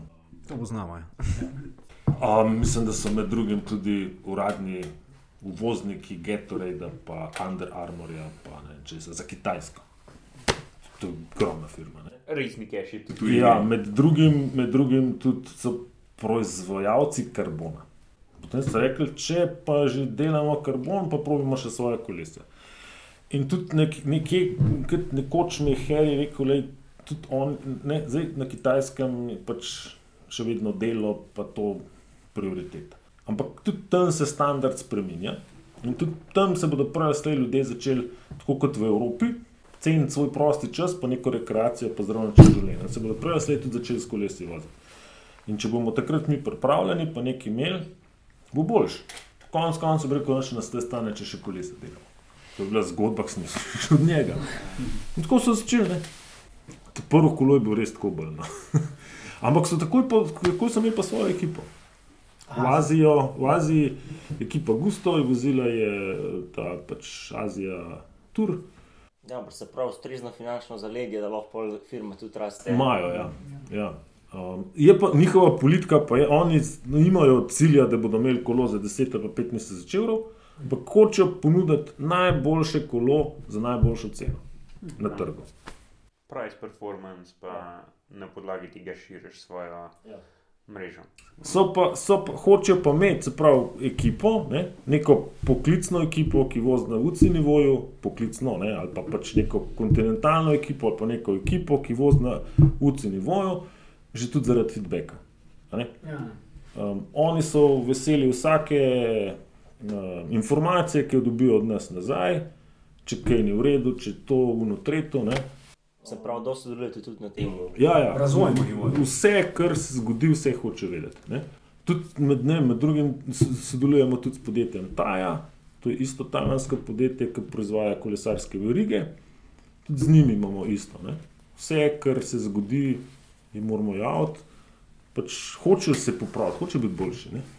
No, pa realno je tudi gusto z se pravi Indijom, Hindlijem in Stadejem Pogačarjem, ker padla sekira z vidika nekega PR-a, pa neki, um, neke odmevnosti, kaj bi lahko to pomenilo za gusto. Sej pač največje uspehe niste dosegli na teh kolesih, ampak sta pa začela, pa vse je to lahko neka zelo simpatična zgodba. Seveda, se tudi oni so, vem, oni so začeli tisto njihovo azijsko zgodbo, tudi vložek v ekipo je bil vem, trikrat večji kot je zdaj, ne. Pa niso zmagali ene dirke v Aziji. Pa so pa kar naenkrat, ne vem, pride Tomaš Poljanec, pa, no, je pa najboljšega kolesarja na svetu. Pa sam rumene prvo za majce letijo. Mislim, ja, dejansko jim je padla se kilometra. Ne? Ne, ne, pa je to taka zgodba, ti da tudi nek leverage. Jaz, recimo, zdaj, če bi kupoval nov kolo, bi siguren pogledal tudi to smer. Če bi imel prej, bi rekel, gusto, kaj je tu neki kitajska. Ne, ne ve sploh, za kva se gre. Ne? Če pa nek profesionalc na tem vosti, pa ne, avtomatsko mu je tudi v glavu, da ve, da ok, se, če pa on lahko, lahko tudi jaz. Se je to, kot smo prej rekli, če je za TD-ja Pogačar je bil dosti dober, pa tudi veš, da TD Pogačar v prvem letu je boljši, kot bomo mi kadarkoli. Ej, pa še lep kolo je, da ga daš na Instagram. Mars, kjer ga ne moreš, no, da smo zdaj čisti iskreni. No, tudi, tudi z bolj prestižnih, bolj prestižnih znamk. Ne. Uh, dej, če se zdaj vrnemo mogoče malo na to leto 2023, ki je pred nami. Um, imate mlado ekipo, Viktor bo verjetno eno izmed glavnih orožij. Um, jaz sem tleh videl um, kot enega takega potencialnega Anžeta skoka. Lani je ta Gen Dvelvegen v 23 zelo dobro dirkal, mislim, da je bil poj na koncu peti. Um, kdo so še te neki skriti favoriti, kakšen je plan dirk, um, kako predstavljate sezono? Pa ta Dylan Hopkins se tudi uh, kaže, da raste. a ne? Ja, Bil je ja. peti ne zdaj na Na državnem prvenstvu. Ja. S tem, da je 23. imel, da je imel v zadnjem krogu, se pravi 16 km cilja defektni. Z gusto tam. a ne. ja, tako da odličen kolo. Ja. Ja, ja, ampak to so gume. Ne, Ne vem, ne, zdaj se tako s kolesami je bil uh, pet, to sem hotel reči. Ne, ja, ja. ne, ne ekip, ekipa. Ne. Ja, že skok je elitni, skok Viki, ni več v 23. Um, ampak on je imel eno tako nesrečno zgodbo lansko let. V bistvu je bil full dobro pripravljen, treniral, sam investiral, šel na kanarce na priprave, pa pa na treningu padel z pahno ramo in je šel prvi del sezone v ritme. In pa se mu je to ponovilo še na dirki po Sloveniji in enostavno nikakor ni mogel jeti nekega, nekega, nekega rezultata, nečesa, da ga pač bi šel, ne, kam, kam ven, kam naprej. Ne. More, fant mora napredovati. Ne. In pač je ostal pri nas, še eno sezono bo probal nekaj zborbati. Ne. Drugač pa, ja, kot sam rekel, imamo mlado ekipo. pravi, pet je, pet je um, mladinčkov, ki so prišli s Pogitima. Da, tam gre. Prvič ne v tej na tej Ja. kategoriji. zdaj. Natan Gregorčič je recimo en tak ne, ime, ki ga lahko malo izpostavim, ki je talent, ne, ki kaže nek potencial, zdaj ko ga bo razvil, bomo videli. Rad bi pa druga stvar povedal. Ne, naša ekipa je, mi, mi nismo zdaj tisti, da bi bili obremenjeni z rezultati. a ne. Kaj, kaj smo mi? Mi smo ekipa, ki hočemo fantom nuditi čim boljše pogoje, zato da ustvarijo svoje sanje. Se Pravi, kaj so njihove sanje, da bi postali poklicni kolesari, po tega služili, oziroma šli v Vortur. In vsak fant, ki pride k nam, najprej ga vprašamo, ali ti hočeš to. Ne? Mi smo tukaj zato, da ti pomagamo. Zdaj pa na tebi, koliko nas boš izkoristil. Mi pravimo pa čim boljše pogoje nuditi. Zdaj finančno fanti pri nas ne bodo služili. Ne? Dobi vsak, dobi vsak, dobi neko minimalno štipendijo, ampak vsak pa dobi tudi vso opremo. Prav vse. Pravimo bomo zagotoviti od koles, se pravi, dejansko fanti nimajo nobenih stroškov. Prav, vsa tekmovanja, trenerji, športna prehrana, uprema, dresi, čelade, očala, kovčki, uprema za prosti čas, kosila na potovanjih, vse je plačano. Pravimo zagotoviti čim boljši program, zdaj pač to se. Tri, s pripravami, z treningi, hm, ne, da lahko pač pokažejo svoj potencial. Zdaj pa na njih, kako bodo to izkoristili. ne. In to je pač neka razvojna ekipa. Ko smo mi, ali pa ko sem jaz, ne dva leta 2018 to začel, je pač eden od sponzorjev, oziroma tajvanski sponzor Gusto, nekako pogojeval, da hoče, da je to mednarodna ekipa. Sprav, vedno smo imeli v ekipi še par tujcev. In na začetku je bilo to, so, je hotel imeti Tajvance. Ampak pet Tajvancev v ekipi, pa eden ne more ene dirke v Evropi do cilja priti. To ne gre. Ne. To, so, to so tudi oni dojeli. Zato so se nekako strinjali, ok, pa dajmo kakšnega Avstralca vzeti. Zdaj, zakaj Avstralci? Okay, jaz sem prej delal v avstralski ekipi, kjer smo se s temi fanti povezali, Timi ga je tudi nekaj sofinanciral. Po drugi strani je pa ti v Evropi težko dobiš enega kolesarja pri teh letih, ki bi še lahko dirkal pa za ta denar. Avstralci so pripravljeni priti sem praktično za ston, pa zelo dobri so, samo zato, da dobijo priložnost. Da so v Evropi v bistvu. Ne? A ne, zdaj potem Timi ga je nehal, Ben Hill je tudi nehal, um, korona Tajvancem ni dovolila, da bi um, prišli sem, Japoncem tudi ne.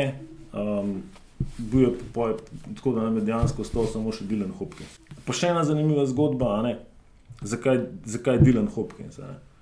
Mi v Evropi težko dobimo še kakšnega kolesarja, da ga velike, dobrega potencialnega, da ga velike razvojne ekipe ali pa bogate razvojne ekipe ne vzamajo pred nami. Pa tudi, če ga bi jaz pred njimi najdel, mu bodo oni ponudili precej več, kot bomo mi lahko ponudili. Dejansko ga ne moramo dobiti. Kaj nam ostane? Nam ostane še, ne vem, mogoče lahko najdeš koga v Kanadi, v ZDA, v Avstraliji, na Novi Zelandiji. pa še tam zelo težko, razen če nimaš kakšne insiderske informacije. Sprav, oni pa tam nimajo svojih skavtov. Imajo. Ampak še vse glih je malo lažje. Ne. In ne vem, za tega Dilana Hopkinsa nam je sugeriral Ben Hill. Um, in ta Dilan Hopkins je nor motor, dejansko podirka še leto bo to. Ne. Ha, on se prej ni s tem. ukvarjal. Je, ampak nivoju veš, kaj je to dirk, dirk, ja. dirkanje v Avstraliji, je približno tako, kot bi več kriterije, ne, kot bi vozil kriterije tle pri nas, v Šenčurju, pa kaj Se pravi, tam ta je ta Tour Down Under. Ja, ampak to je višji rang. pa- To je pa to. Ja, v tam je kolesarstvo več ali manj vse na individualnem nivoju. Ne? Tam ni mladinskih ekip. Tam mislim, je mladinska ekipa, ne vem, Phoenix iz Canberra. Bridge Lane so neki imeli. Ja, ampak to so kontinentalne. Aha, ja, dobro. Ampak mladinske ekipe pa niso tako, kot je Pogi, Tim, pa Kran, pa ne vem, Perutnina, pa Adrija. Ampak tam je Phoenix, oni imajo svoje adrese, to je pa to, pa se pa fante z celo Avstralijo, vsak sam trenira, ima svoj kolo, pa imajo pa enkrat eno mladinsko dirko, ne vem, v Brisbaneu, pa pridejo tja kamor, kar hočejo, vsak sam, pa imajo pa tam dirko, pa jih 40 štarte. Ne. Se pravi, to ni isti kolesarstvo kot le pri nas, ki Ne. pride ekipa na dirko, pa Ne. narediš plan, Ne. pa kako se bo dirkal. Ne, ne, ne. In, in enostavno ni imel tega. In potem reveš prvo sezono, ki bi mogel priti, sem je bil COVID, ni prišel. Naslednjo sezono pride, um, prva dirka, ki štarta, prva etapa na Istri, pade, um, odprt v stlele po stegnih, ne, ga vzamemo ven, ok, ne boš zdaj tri etape vozil, ker prid k sebi. Naslednjo dirko štarta izolo, pade z kompliciran zlom ključnice do junija out. Ampak po drugi strani, fant pri 18-19 letih pusti vse za sabo, pride praktično v neko državo, ki ti prej verjetno nikoli ni slišal, za pol leta. Brez staršev, brez ne, k nekim ljudem, ki jih ni še nikoli srečal. Sploh ne, jezika ne zastop, nič. In če to ni vzor tudi nekim slovenskim fantom, ki imajo praktično vse prinešeno dobesedno na pladno. In tudi to je neka dodana vrednost ekipi. In zdaj tudi te slovenski fanti gledajo njega, če ne drugega, mora tudi kaj pokomunicirati v angleščini, pa potem ta fant, ki trenira, pa kar res hoče. Je tudi, mislim, da nekaj da slovencem plusa. S tem, da Dilan je res dober, je pa po drugi strani smotan in bi, bi bil že na tri četrt v Vorturu, če pač ne, bi malo bolj poslušal, kaj ne naredi. Ampak mislim, da bo letos. Ej, Sam še eno vprašanje. S tem Avstralci doskrat vidimo, oziroma saj zdaj pač ta um, nova senzacija avstralskega kolesarstva, J. Vine, um, ja. ta Zvift zgodba. Ja, ja. A ste mogoče kdaj tudi v to smer, kdaj razmišljali, pa imeli smo to Zvift zgodbo z kaj Matej Laurič. Martin Laurič. Martin, sorry, pardon. ja, a ste tudi to kdaj gledali, da mogoče kakšno sodelovanje z Zwiftom ali pa saj da gledate, kdo je na Zwiftu dober od naših, ali pa se Zwifta poslužujete v okviru treninga. Um, a je to sploh nekaj, kar pride v ne vem, debato, ali je Zwift pač nekaj, kar je nice to have, pa to je to. Pa če lahko sam še skočim, poleg tega pa še recimo iz drugih športov. Ja, nekaj tudi dosti popularno, zdaj, da te iz drugih športov zraven probajo. Ne vem, okay, rogliča je tako vemo, da mu je ratelj iz drugih športov, ampak je tudi drugih dosti še probal v kolesarstvu, tudi to mogoče še. Zdaj, jaz mogoče nisem ta prav naslov za Zwift, ne. tukaj bi mogel bolj kakšnega Luka vprašati ali pa Mirana Kavaša. ne. Uh, vem, da je Ben Hill je to noro prakticiral. Ne. Ben Hill je bil praktično skozi na Zwiftu. Tudi je član avstralske, še vedno, avstralske reprezentance za to svete. E-sport, ja, to, za to, to svetovno ja, prvenstvo, ja. Ja. Jaz sam, ok, to je super za zraven, mm, ne vem, ni mi pa to to. Ne. Vem sam, mislim, da je bil Južnoafričan, ki je iz- na Zwiftu so ga poje Quebeca vzeli, pa se v grup ni znal povaziti. ne. Ja, se zgodb. Se tudi Martin Laurič je zmagal to Zwift akademijo, pa so ga vzeli Dimension Data, pa to pa potem se ni ravno izkazal. Ja. Ja, mislim, ne je Tako da J. Vine je prva taka zgodba, Edin ja. Edin, rado, ja. pa tudi on je rabo poje po tej akademiji, mislim, da še kar nekaj tri leta, nekaj takega, da je zdaj prišel do tega, da je Mislim, kar časa od kolesarja. Nek pokazatelj je. Ne. Ni pa to, to. Sej konc konca, a veš, koliko smo imeli mi nekih talentov, na, ki so na fakulteti za športne testiranje, nore Cifra, ja. cifre obračali, ne, pa, pa na koncu Še zmeraj je glava, ne? to je. To je... Pa, moraš se znati v grub voziti, pa to je enih stvari, ki Pa če si ti fičo, a ne, ne moreš biti, po, ne moreš po biti Ferrari. Če, si ti, če ti nisi rojen s pravimi geni, če ti tega pač nimaš v sebi, če ti ne moreš obrniti to pa to kvato, pa če nimaš take porabe, ki si ki enostavno ne moreš. Ne moreš se ti na, ne vem, na Aldu je speljati tako hitro. Ne gre. Ne? Če pa si ti s tem rojen, da imaš, da si potencial, ampak da pač ne vem, da si da že tri minute kasiraš do podklanca, zato ker se z enega prelaca prej ne upaš to hitro pelati. Pa, tudi, Pa spet nisi. pa spet ne bo šlo. Ne? Tako da a, sem tukaj ja, še en kup. Uh, Pa imaš pa spet tiste, ne? nekateri gredo na klans, drugi gredo po rane, eni šprinter, eni so pančeri, eni so. to- je. ne, Zdaj, veš, na koncu, ne vem, jaz tudi vsakega fanta, ki se pogovarjamo, da, da bo prišel k nam, ali pa pač ne, imamo prvi sestanek. Pozaj ga vprašam, kakšen kolesar pa misliš, da si ne? Kako lahko misliš, da lahko dirko zmagaš? Veči- Večina jih odgovori, da misli, da je, da je klančer, pa da je za GC. Koliko je pa takih dirk? Sem, ja, pa tudi, ne vem, konc koncev. Ne vem, zakaj tako misliš.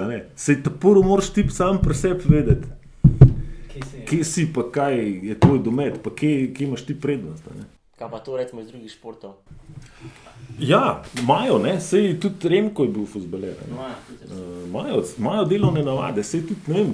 Recimo, zdaj bom rekel tako, ne, tudi ne vem, še takrat, ko sem bil v Savi, pa smo dobili ne vem, nekoga, ki je prej ne vem, bil na smučarskem teku ali pa plavalcem, pa zdaj to govorim o 12-13 let starih fantih. ne. Kolesarstvo dejansko se začne lahko malo kasneje. Um, so bili vsi že v štartu boljši, ne. so imeli neko delovne navade, um, tudi uh, neko motoriko, so ne.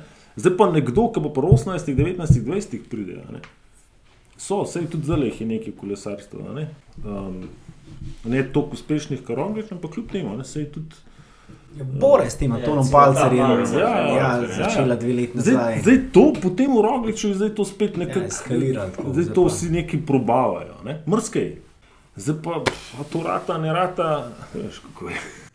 Ja, pa so se tudi Uno X, je tudi, se mi zdi, neka taka ja. podobna zgodba. Ne? Oni želijo tiste, ki so ne vem, tretji, četrti v teku na smočeh, Ja. mladinske preusmeriti tja, ne? ker v tek na smočeh je nora norveška prevlada. Zanj, mislim, da je bila ena tekma prvih osem Norvežani. a ne, in To je potem, če si ti že na državnem prvenstvu sedem, pa te pol, ne, mogoče prek tega usmerijo kolesarstvo. In da so oni neko tako vizijo imeli, pa ko zdaj gledamo rezultate, skar dobro delajo. Ne. Vse, no, Rožani so imeli kaj, lani U23, enega, mislim, aj zmagal kronometer. Ne, Tobias Fos je zmagal kronometer. Ja, ko. Ne, ja, pa pač mislim tudi pri mlajših članih, mislim, da je bil en na cestni dirki na podiumu, pa en na kronometru na podiumu. Oziroma, kronometer je celo zmagal, ne me pa zdaj vprašali, kdo. Ne, me je že ta Tobias Fos tako šokiral. Da, to, to, to, to, ta je bila tudi kar Zdaj. Norvežani že kar, že kar nekaj časa a ne, delajo vrhunsko, že 10-15 let. Vrhunsko delajo, Saj oni imajo en kup uh, mladih kolesarjev. a ne. Mislim, Prej je samo vprašanje časa, kdaj bo nekdo. Uh, a ne, tudi ekipe, tudi Uno X, lepa zgodba. Imajo, ne. Oni, s- s- mislim, da so en tak športni narod, če se koli se lotijo, so v športu kar uspešni. Sploh v teh ja, vzdržljivostnih športih jim, jim najbolj laufa, ja, nekakšna zgodba. Takim. Pa tudi v futbolu so zmerno varni. Ja, čeprav oni, na fusbal so tam, tam, kam mi, ja, tam, mi smo se skozi njih, kaj je bil žun, Kero, John Kero, Ja, pa z glavo z glavo, zmer smo bili tam, tam neki z njimi, ne. Tako da zdaj ta Haland mali stopa, ja, ampak v fusbalu so bili oni zmer tam, tam, kam mi. Ja, tak podoben narod nam, no, se jaz službeno bil zelo parkrat gor, pa zelo hitro lahko najdeš neke primerjave, pa povezave. Edin mogoče malo manj se radi poveselijo, kam mi, ampak se po unih cenah bi, bi pol prijel planico, pa je malo drugače, ja. Jaz pa mogoče samo še eno vprašanje glede ekipe vaše. Zdaj, kot smo gledali program, imate veliko tudi teh U23 dirka, ne v planu, ok, sej mlada ekipa. Vemo pa, da veliko mladi dirkajo tudi za reprezentanco. Kako pa recimo funkcionira sodelovanje z zvezo? Ok, zdaj vem, da ne moreš zdaj neki, če ni dobro preveč čez to govoriti, ampak tako. Ne, ne, vse je v redu, Ne, ne, to ali- je čisto v redu. Martin Hvast je selektor, z njim smo super. Um, mi se lepo vse prej po- pomenimo, um, tako da vemo, kdo so kandidati. Um, Martin bo zdaj po prvih dirkah izbral Uh, vse mislim, da že zdaj le majhen tudi gleda. Ne vem, če ne bo celo šel pogledat uh, kakšnega treninga, zdaj na primorsko. Um, Sploh za mlade je ta pokal narodov. Ja, v bistvu ja. največja odskočna deska. nekako. Ne, se, veš, mi imamo tudi toliko teh mladih, ne, um, da tudi če imamo mi istočasno neko dirko v Italiji za U23, um, ni več problem, če ste eden ali pa dva reprezentanci. Ne, tako da nam nič narobe ne hodi. Mislim, da se zelo lepo dopolnjujemo in da, da, je, da smo z Martinom na, tako, na, na dobri frekvenci in da je, da je pozitivno. Mislim, da gremo počasi proti koncu temu. Uh, mogoče, prej smo govorili o nekem pač temu ultimativnemu cilju Gusta, kaj pa mogoče nek ultimativen, ultimativen cilj te kontinentalne ekipe Roga, zdaj ne glede na to, kdo bo sponzor, kaj si ti predstavljaš, da bi ta ekipa lahko bila, ali bo to vedno samo neka pač odskočna deska, ali misliš, da je mogoče kakšna druga pot tudi. Um, zdaj težko rečem, da, da bi zdaj mi dosegli ne, ne vem kakšen nivo. Oziroma, rekel tako, se v končni fazi. Tudi če zdaj nekdo pride in reče, da imate 2 milijona, pa naredite prokontinentalno ekipo. Ali pa 5 milijonov, pa boste šli še Džiro voziti. Ne? Pa bo- še Džiro v Ljubljani štartu, pa vas bodo povzeli. Ja, koga pa naj damo v ekipo? Se ga ni. Pibernik bo šel nazaj voziti. Ja. A Ne, s tem, s tem da, pa, pa da je pogoj, ne, da je polovica slovencev. Tisti, ki so, ki bi lahko na tem nivoju dirkali, smo jo že vsi. Ne? Ja, sta dva, tri, ne, štiri, mogoče, max. Vse ostalo ni, ni. Ne? In mi moramo, jaz mogoče bolj pogrešam te centri, ki so bili. ne. Zdaj imamo, ok, Ljubljana, Kran, novo mesto, se super dela. Ne? Nekaj malega se dela, mislim, malega. Na Ptuju se tudi solidno dela, pa upam, da bo kaj več prišlo ven. ne. Sevnica je nekaj zdaj, nekaj se v celju dogaja. Nova Gorica. Ja, Nova Gorica, ne, Meblo. Rekel, da mogoče več kakšne take ekipe pogrešam, še kot je Meblo. a ne. Um, pa ne vem, v Mariboru ni več, v Prekmurje so tropovci, so se Ti matrali. so ne. včasih bili dosti. Uf, jaz se to spomnim, to smo, ko smo bili mi, dečki, kaj je bil tam en. Simon Špila, kar rečete, no, niste. Ne, ne, ne, ne uh, on je malo starej, kaj je bil že en, uh, en model, vem, da je bil v glavi večji od vseh, dobro, nima veze. Pa, okay, na bledu se še nekaj tudi matrajo. Več, ne? zdaj, ali v rogu jih je 100 otrok. Um, ampak mi jih enostavno ne moramo toliko vzeti, pa je naprej. Ne? Tudi če bomo imeli 30 mladincev, v člansko ekipo lahko pride jih 5, 6, 7, mogoče max z eno sezono. ne. Um, in mogoče se manjka nek tako več teh centrov, pa mogoče poj, če, če bi bilo več potencijala, mogoče bi poj tudi ne vem, še mogoče kakšne kontinentalne ekipe več. Ampak Baza, ne? Baza, se baza. Dela. Ja, ja, ja. ja, pa mogoče samo eno, še da zaključimo s tem, uh, s to kontinental zadevo. Uh, vidim, tale smo že prej se pogovarjali, program Dirk, zelo širok, ne 34 dirk imate v planu letos. Uh, a imate kakšno rečete, to je pa dirka, da dirka, ta je pa najpomembnejša dirka sezone ali bolj varianta z dirko v dirko? Mm, Lani smo imeli 50. ne. um, lej, za nas so zelo pomembne dirke v Sloveniji. Um, se pravi, pa tukaj zdaj govorim tako, za, zato da se pokažemo doma. Da se pa fanti pokažejo nekje kot potencijalni kandidati za, za ekipe Vortura, so pa vse dirke, ki so tam le noter označene 1-2. Se pravi, to so pa čisti italijanske klasike. Uh, aprila se začne trofejo piva, pa imamo Giro del Belvedere, Palio del Ricciotto, San Damiano, uh, Liberazione. To je pet klasik, ki jih jaz enačam z, z vem, klasikom. Ja, recimo. Ni jih tako, ampak to so res dirke na vrhunskem nivoju, ki pridejo praktično, bom rekel, tri četrt najboljših U23 kolesarjev na svetu. In če si tam zraven, si. In tudi, ne vem, ko pogledaš, ne, vem, jaz dobim vsako leto vsaj 150 prošenj, da brati dirkaj pri nas. A, od kolesarjev. Ja, z celega sveta. Ne? In če mi nekdo pade v oči, gledam gledati rezultate. In te dirke, če te štiri dirke, pet dirk pogledaš, ne, veš, več ali manj vse, kje je bil, koliko je dober. Spravo, veliko bolj to pomembno, da se pokaže na Eurosportu, neki dirki po Sloveniji, Krorejsu in tako naprej. Lej, dejstvo je, da mi na dirki po Sloveniji, to je tako, kot bi vem, košarkarski klub Šenčur šel v Dallas igrati z, z Dončičem. Dobro, se, če ne bi bilo Dončiča v ekipi, imel kaj šans. ja, ja, razumem. Ja. Dirka po Sloveniji za nas, ne, to je pač, ja, tam smo. Ne. Kaj mi tam lahko naredimo? Smo, za nas je uspeh, če, če uspemo v kolesarja spraviti pobeg. To je to. In zdaj, ne vem, recimo.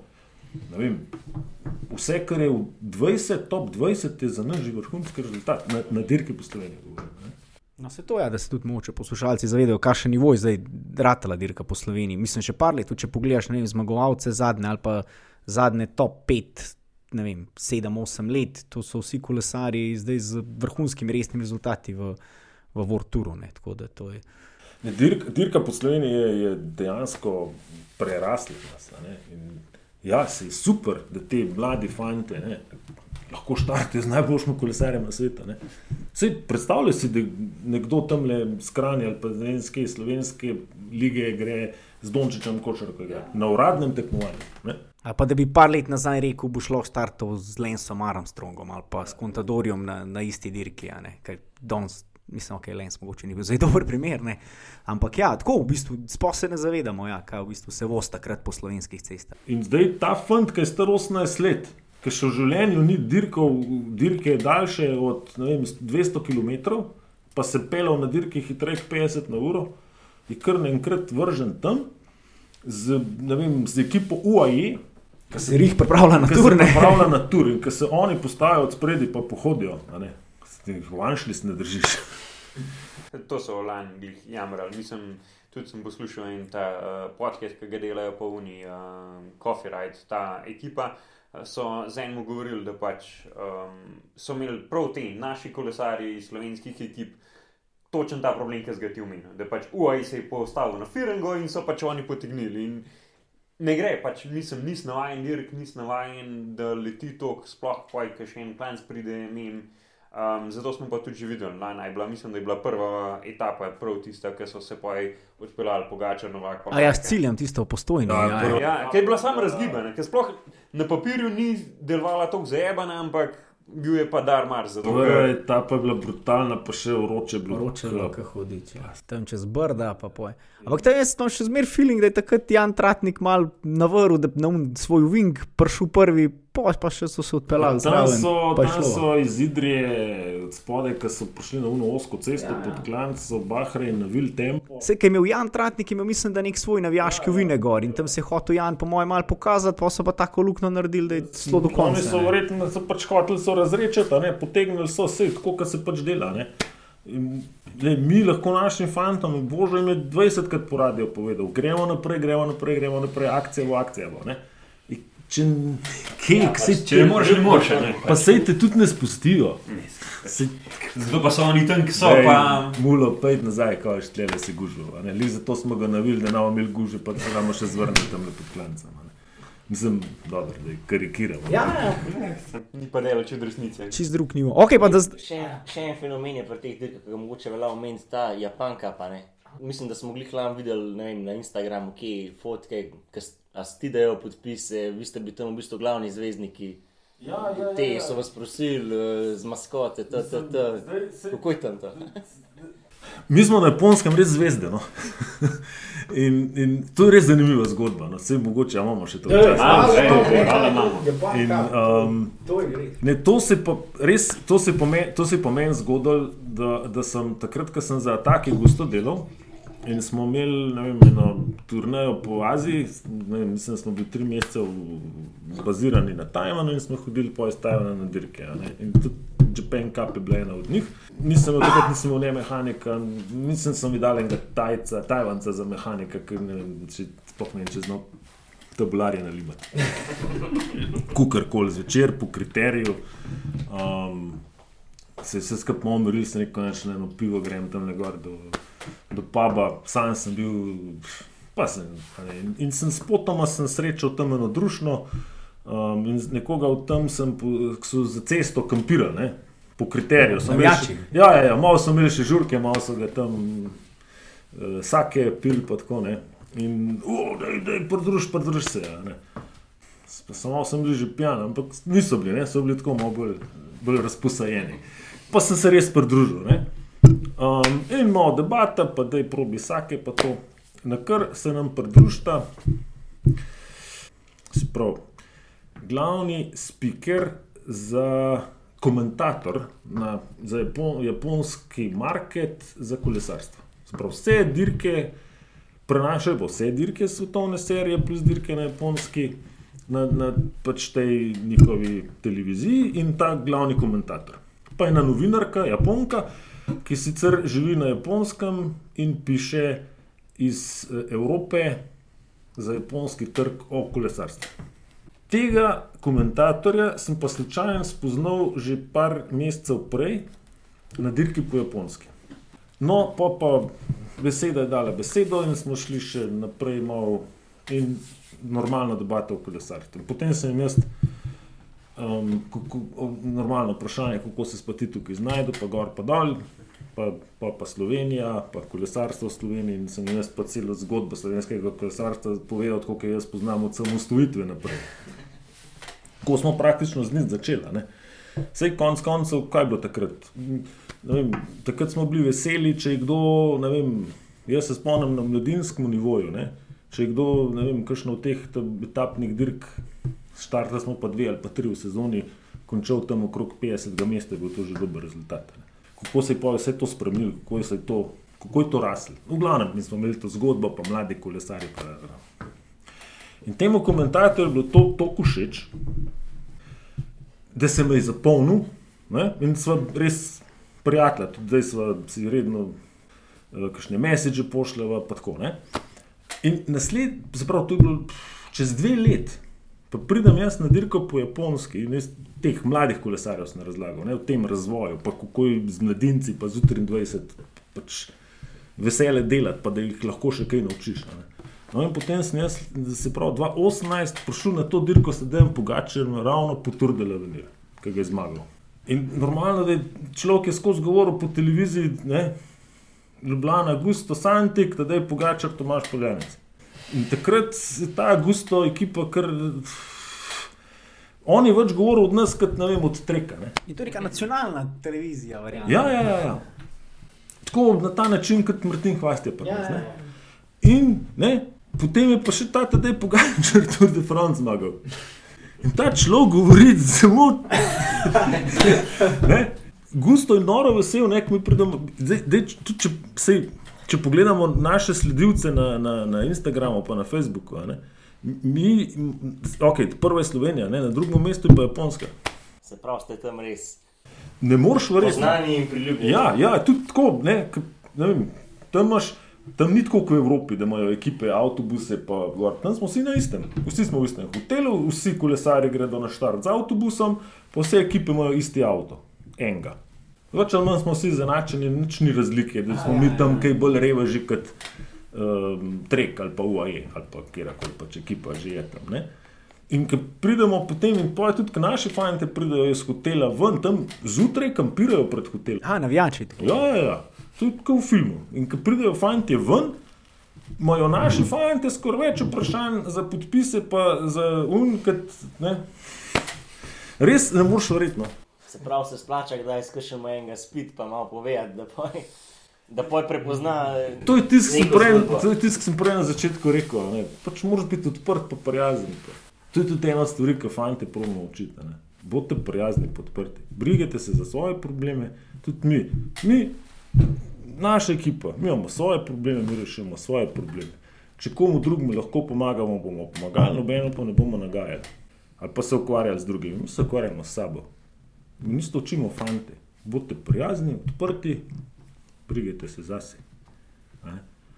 Pa vedno rečete hvala, če vam kdo kaj pomaga.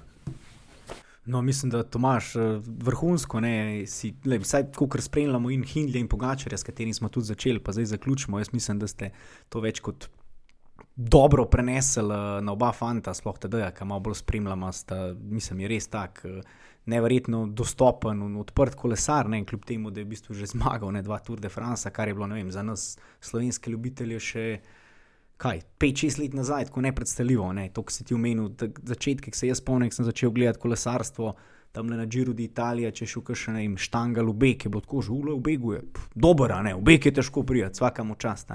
Tako da ja, pa mogoče za zaključek par besed. Uh, kakšno sezono pa mogoče napoveduješ še Pogačarju pa, pa Hindliju? Hindli je neki skeptičen ali bo branil to roza majico ali ne, neki mu te kronometri niso tako všeč, kot sem zasledil. Ne? Jaz mislim, da je Hindli na turne. Ja, tako nekako. Ne bo branil, ne? Tako, tako. No, to sem hotel navezati, ja, ne, da se ja. obeta mogoče nek uh, veliki dvoboj. Uh, Tvojih dveh uh, bivših urbancev. Ne? Ja, ne vem, če to, po mojem, bo bolj, uh, bo bolj drug dvoboj. Ne? Uh, ne? Dansk, danski ribi, pa naš pogi. In upamo, da pogi spet trpele, ne, rumeno majico. Mislim, da bo. Da bo. Mislim, jaz sem optimist, pa verjamem. Pa mogoče tole lansko let, če se mu že kdaj mogel zgoditi, kaj tasga, je bilo bolj, da sem mu lan. Zato, ker, sem, ker bo samo boljši. Ne? Ja, ampak lan se mu je ta smola sam nabirala. nabirala. Jaz se spomnim, ker smo ravno takrat smo mi prišli tudi v Francijo s fanti, to gledali, to sam letel, kako je majka ima korono, gun ima korono, un ne bo štarto. Jaz sem na Vrlandi pa tudi dobil prvo za res lekcijo, da ni nepremagljiv, ker pred temu karkoli štarto skoraj zmagal. Ja, in to ravno na kol de granon, zdaj bi režal, da ni eh, najce grilce danes tukaj z nami, ne? ker mi smo tako de granon kakšno urco pred tem pogačarjem odgonili in kakšen, s kakšnim izrazom je Nec prišel gor, zmeraj ga z veseljem poprašam za komentar, kol de granona, ne? tako da totalno upravičujem, mislim, je res brutalen klan zbil, tako da uh, tadej pogačar. Evo, verjamemo, uh, se pravi, da spet pripeljemo rumeno majico v Pariz, smirimo pa itak, tja navijati, še prej pa na marsikero tole slovensko dirko. Ne. Tako je, Tomaš, res sej, najlepša hvala, ker si se udeležil. Kot smo rekli, no, bo trajalo eno uro, pa se pa zadebatiramo. Da. Dobro, upam, upam, da nisem bil preveč dolg. Ne, jaz, jaz, nisem bil preveč dolg. Jaz mislim, da je bilo zelo, zelo zanimivo. Tako da, ja, kot vedno, no, če imate še kakšno vprašanje, lahko tam napišete na Facebook. Instagram. Instagram, ni da ni, ne. hodičev jezik, oziroma Biren Cycling Club Kran. Pa se kmalo kaj spet slišimo, zdaj se bojo pa počasi tudi uh, resne dirke začele in uh, Bomo še kakšno rekel, tudi nekaj. Nekaj v Slovenijo gledati, tudi dirke. Definitivno, kva smo rekli, ne? prva slovenska dirka, slovenska istra, jo, 19. Uh, marca, potem imamo tukaj Tomaš omenil ta paket, ne? 23. marca, potem uh, Vipavsko dolino in pa 26. marca. Grand Prix, Adrija Mobil, prej imamo pa še ta umak, pa poreč trofi, ki so slovenci radi, da so v Istri, če kaj tam pogledali. Ja, super je, lepo je una um, etapa, tele is, istra, istrska, kva istrska proliče. Je ful lepa etapca čez gr, na Mutovun. Aha, ja, ja, zato smo pa že na Tlakovci. Na Tlakovci, gor čez na Oportal, Oportal, pa pa na Mutovun, super. Če prijete s kolesom, poreč štartete na Oportal, pogledate prvi krok, pa pa na, na Mutovun na eno pivo, pa kakšne tartufe, pašto s tartufi, pa še cilj pogledati. Uh, ma, ravno ta paket smo par let nazaj imeli, kle se fanti nasmihajo. Ne? Zato, ker smo v bistvu potem na motovunu se kar malo zadržali ne? in potem smo se že v temi in kar precej hudem mrazu vračali v novi grad. tako da enega kolega, ki smo bili sabo, ki ni bil tako pripravljen, mislim, da je preklel vse živo na tisti poti nazaj do novi grada. Ampak ja, no, da bes so tele, mislim, istra sploh vrhunska za kolesarjenje in tudi mi gremo počasne ne pripraviti. Ja, ne. Tako. Hej, srečno.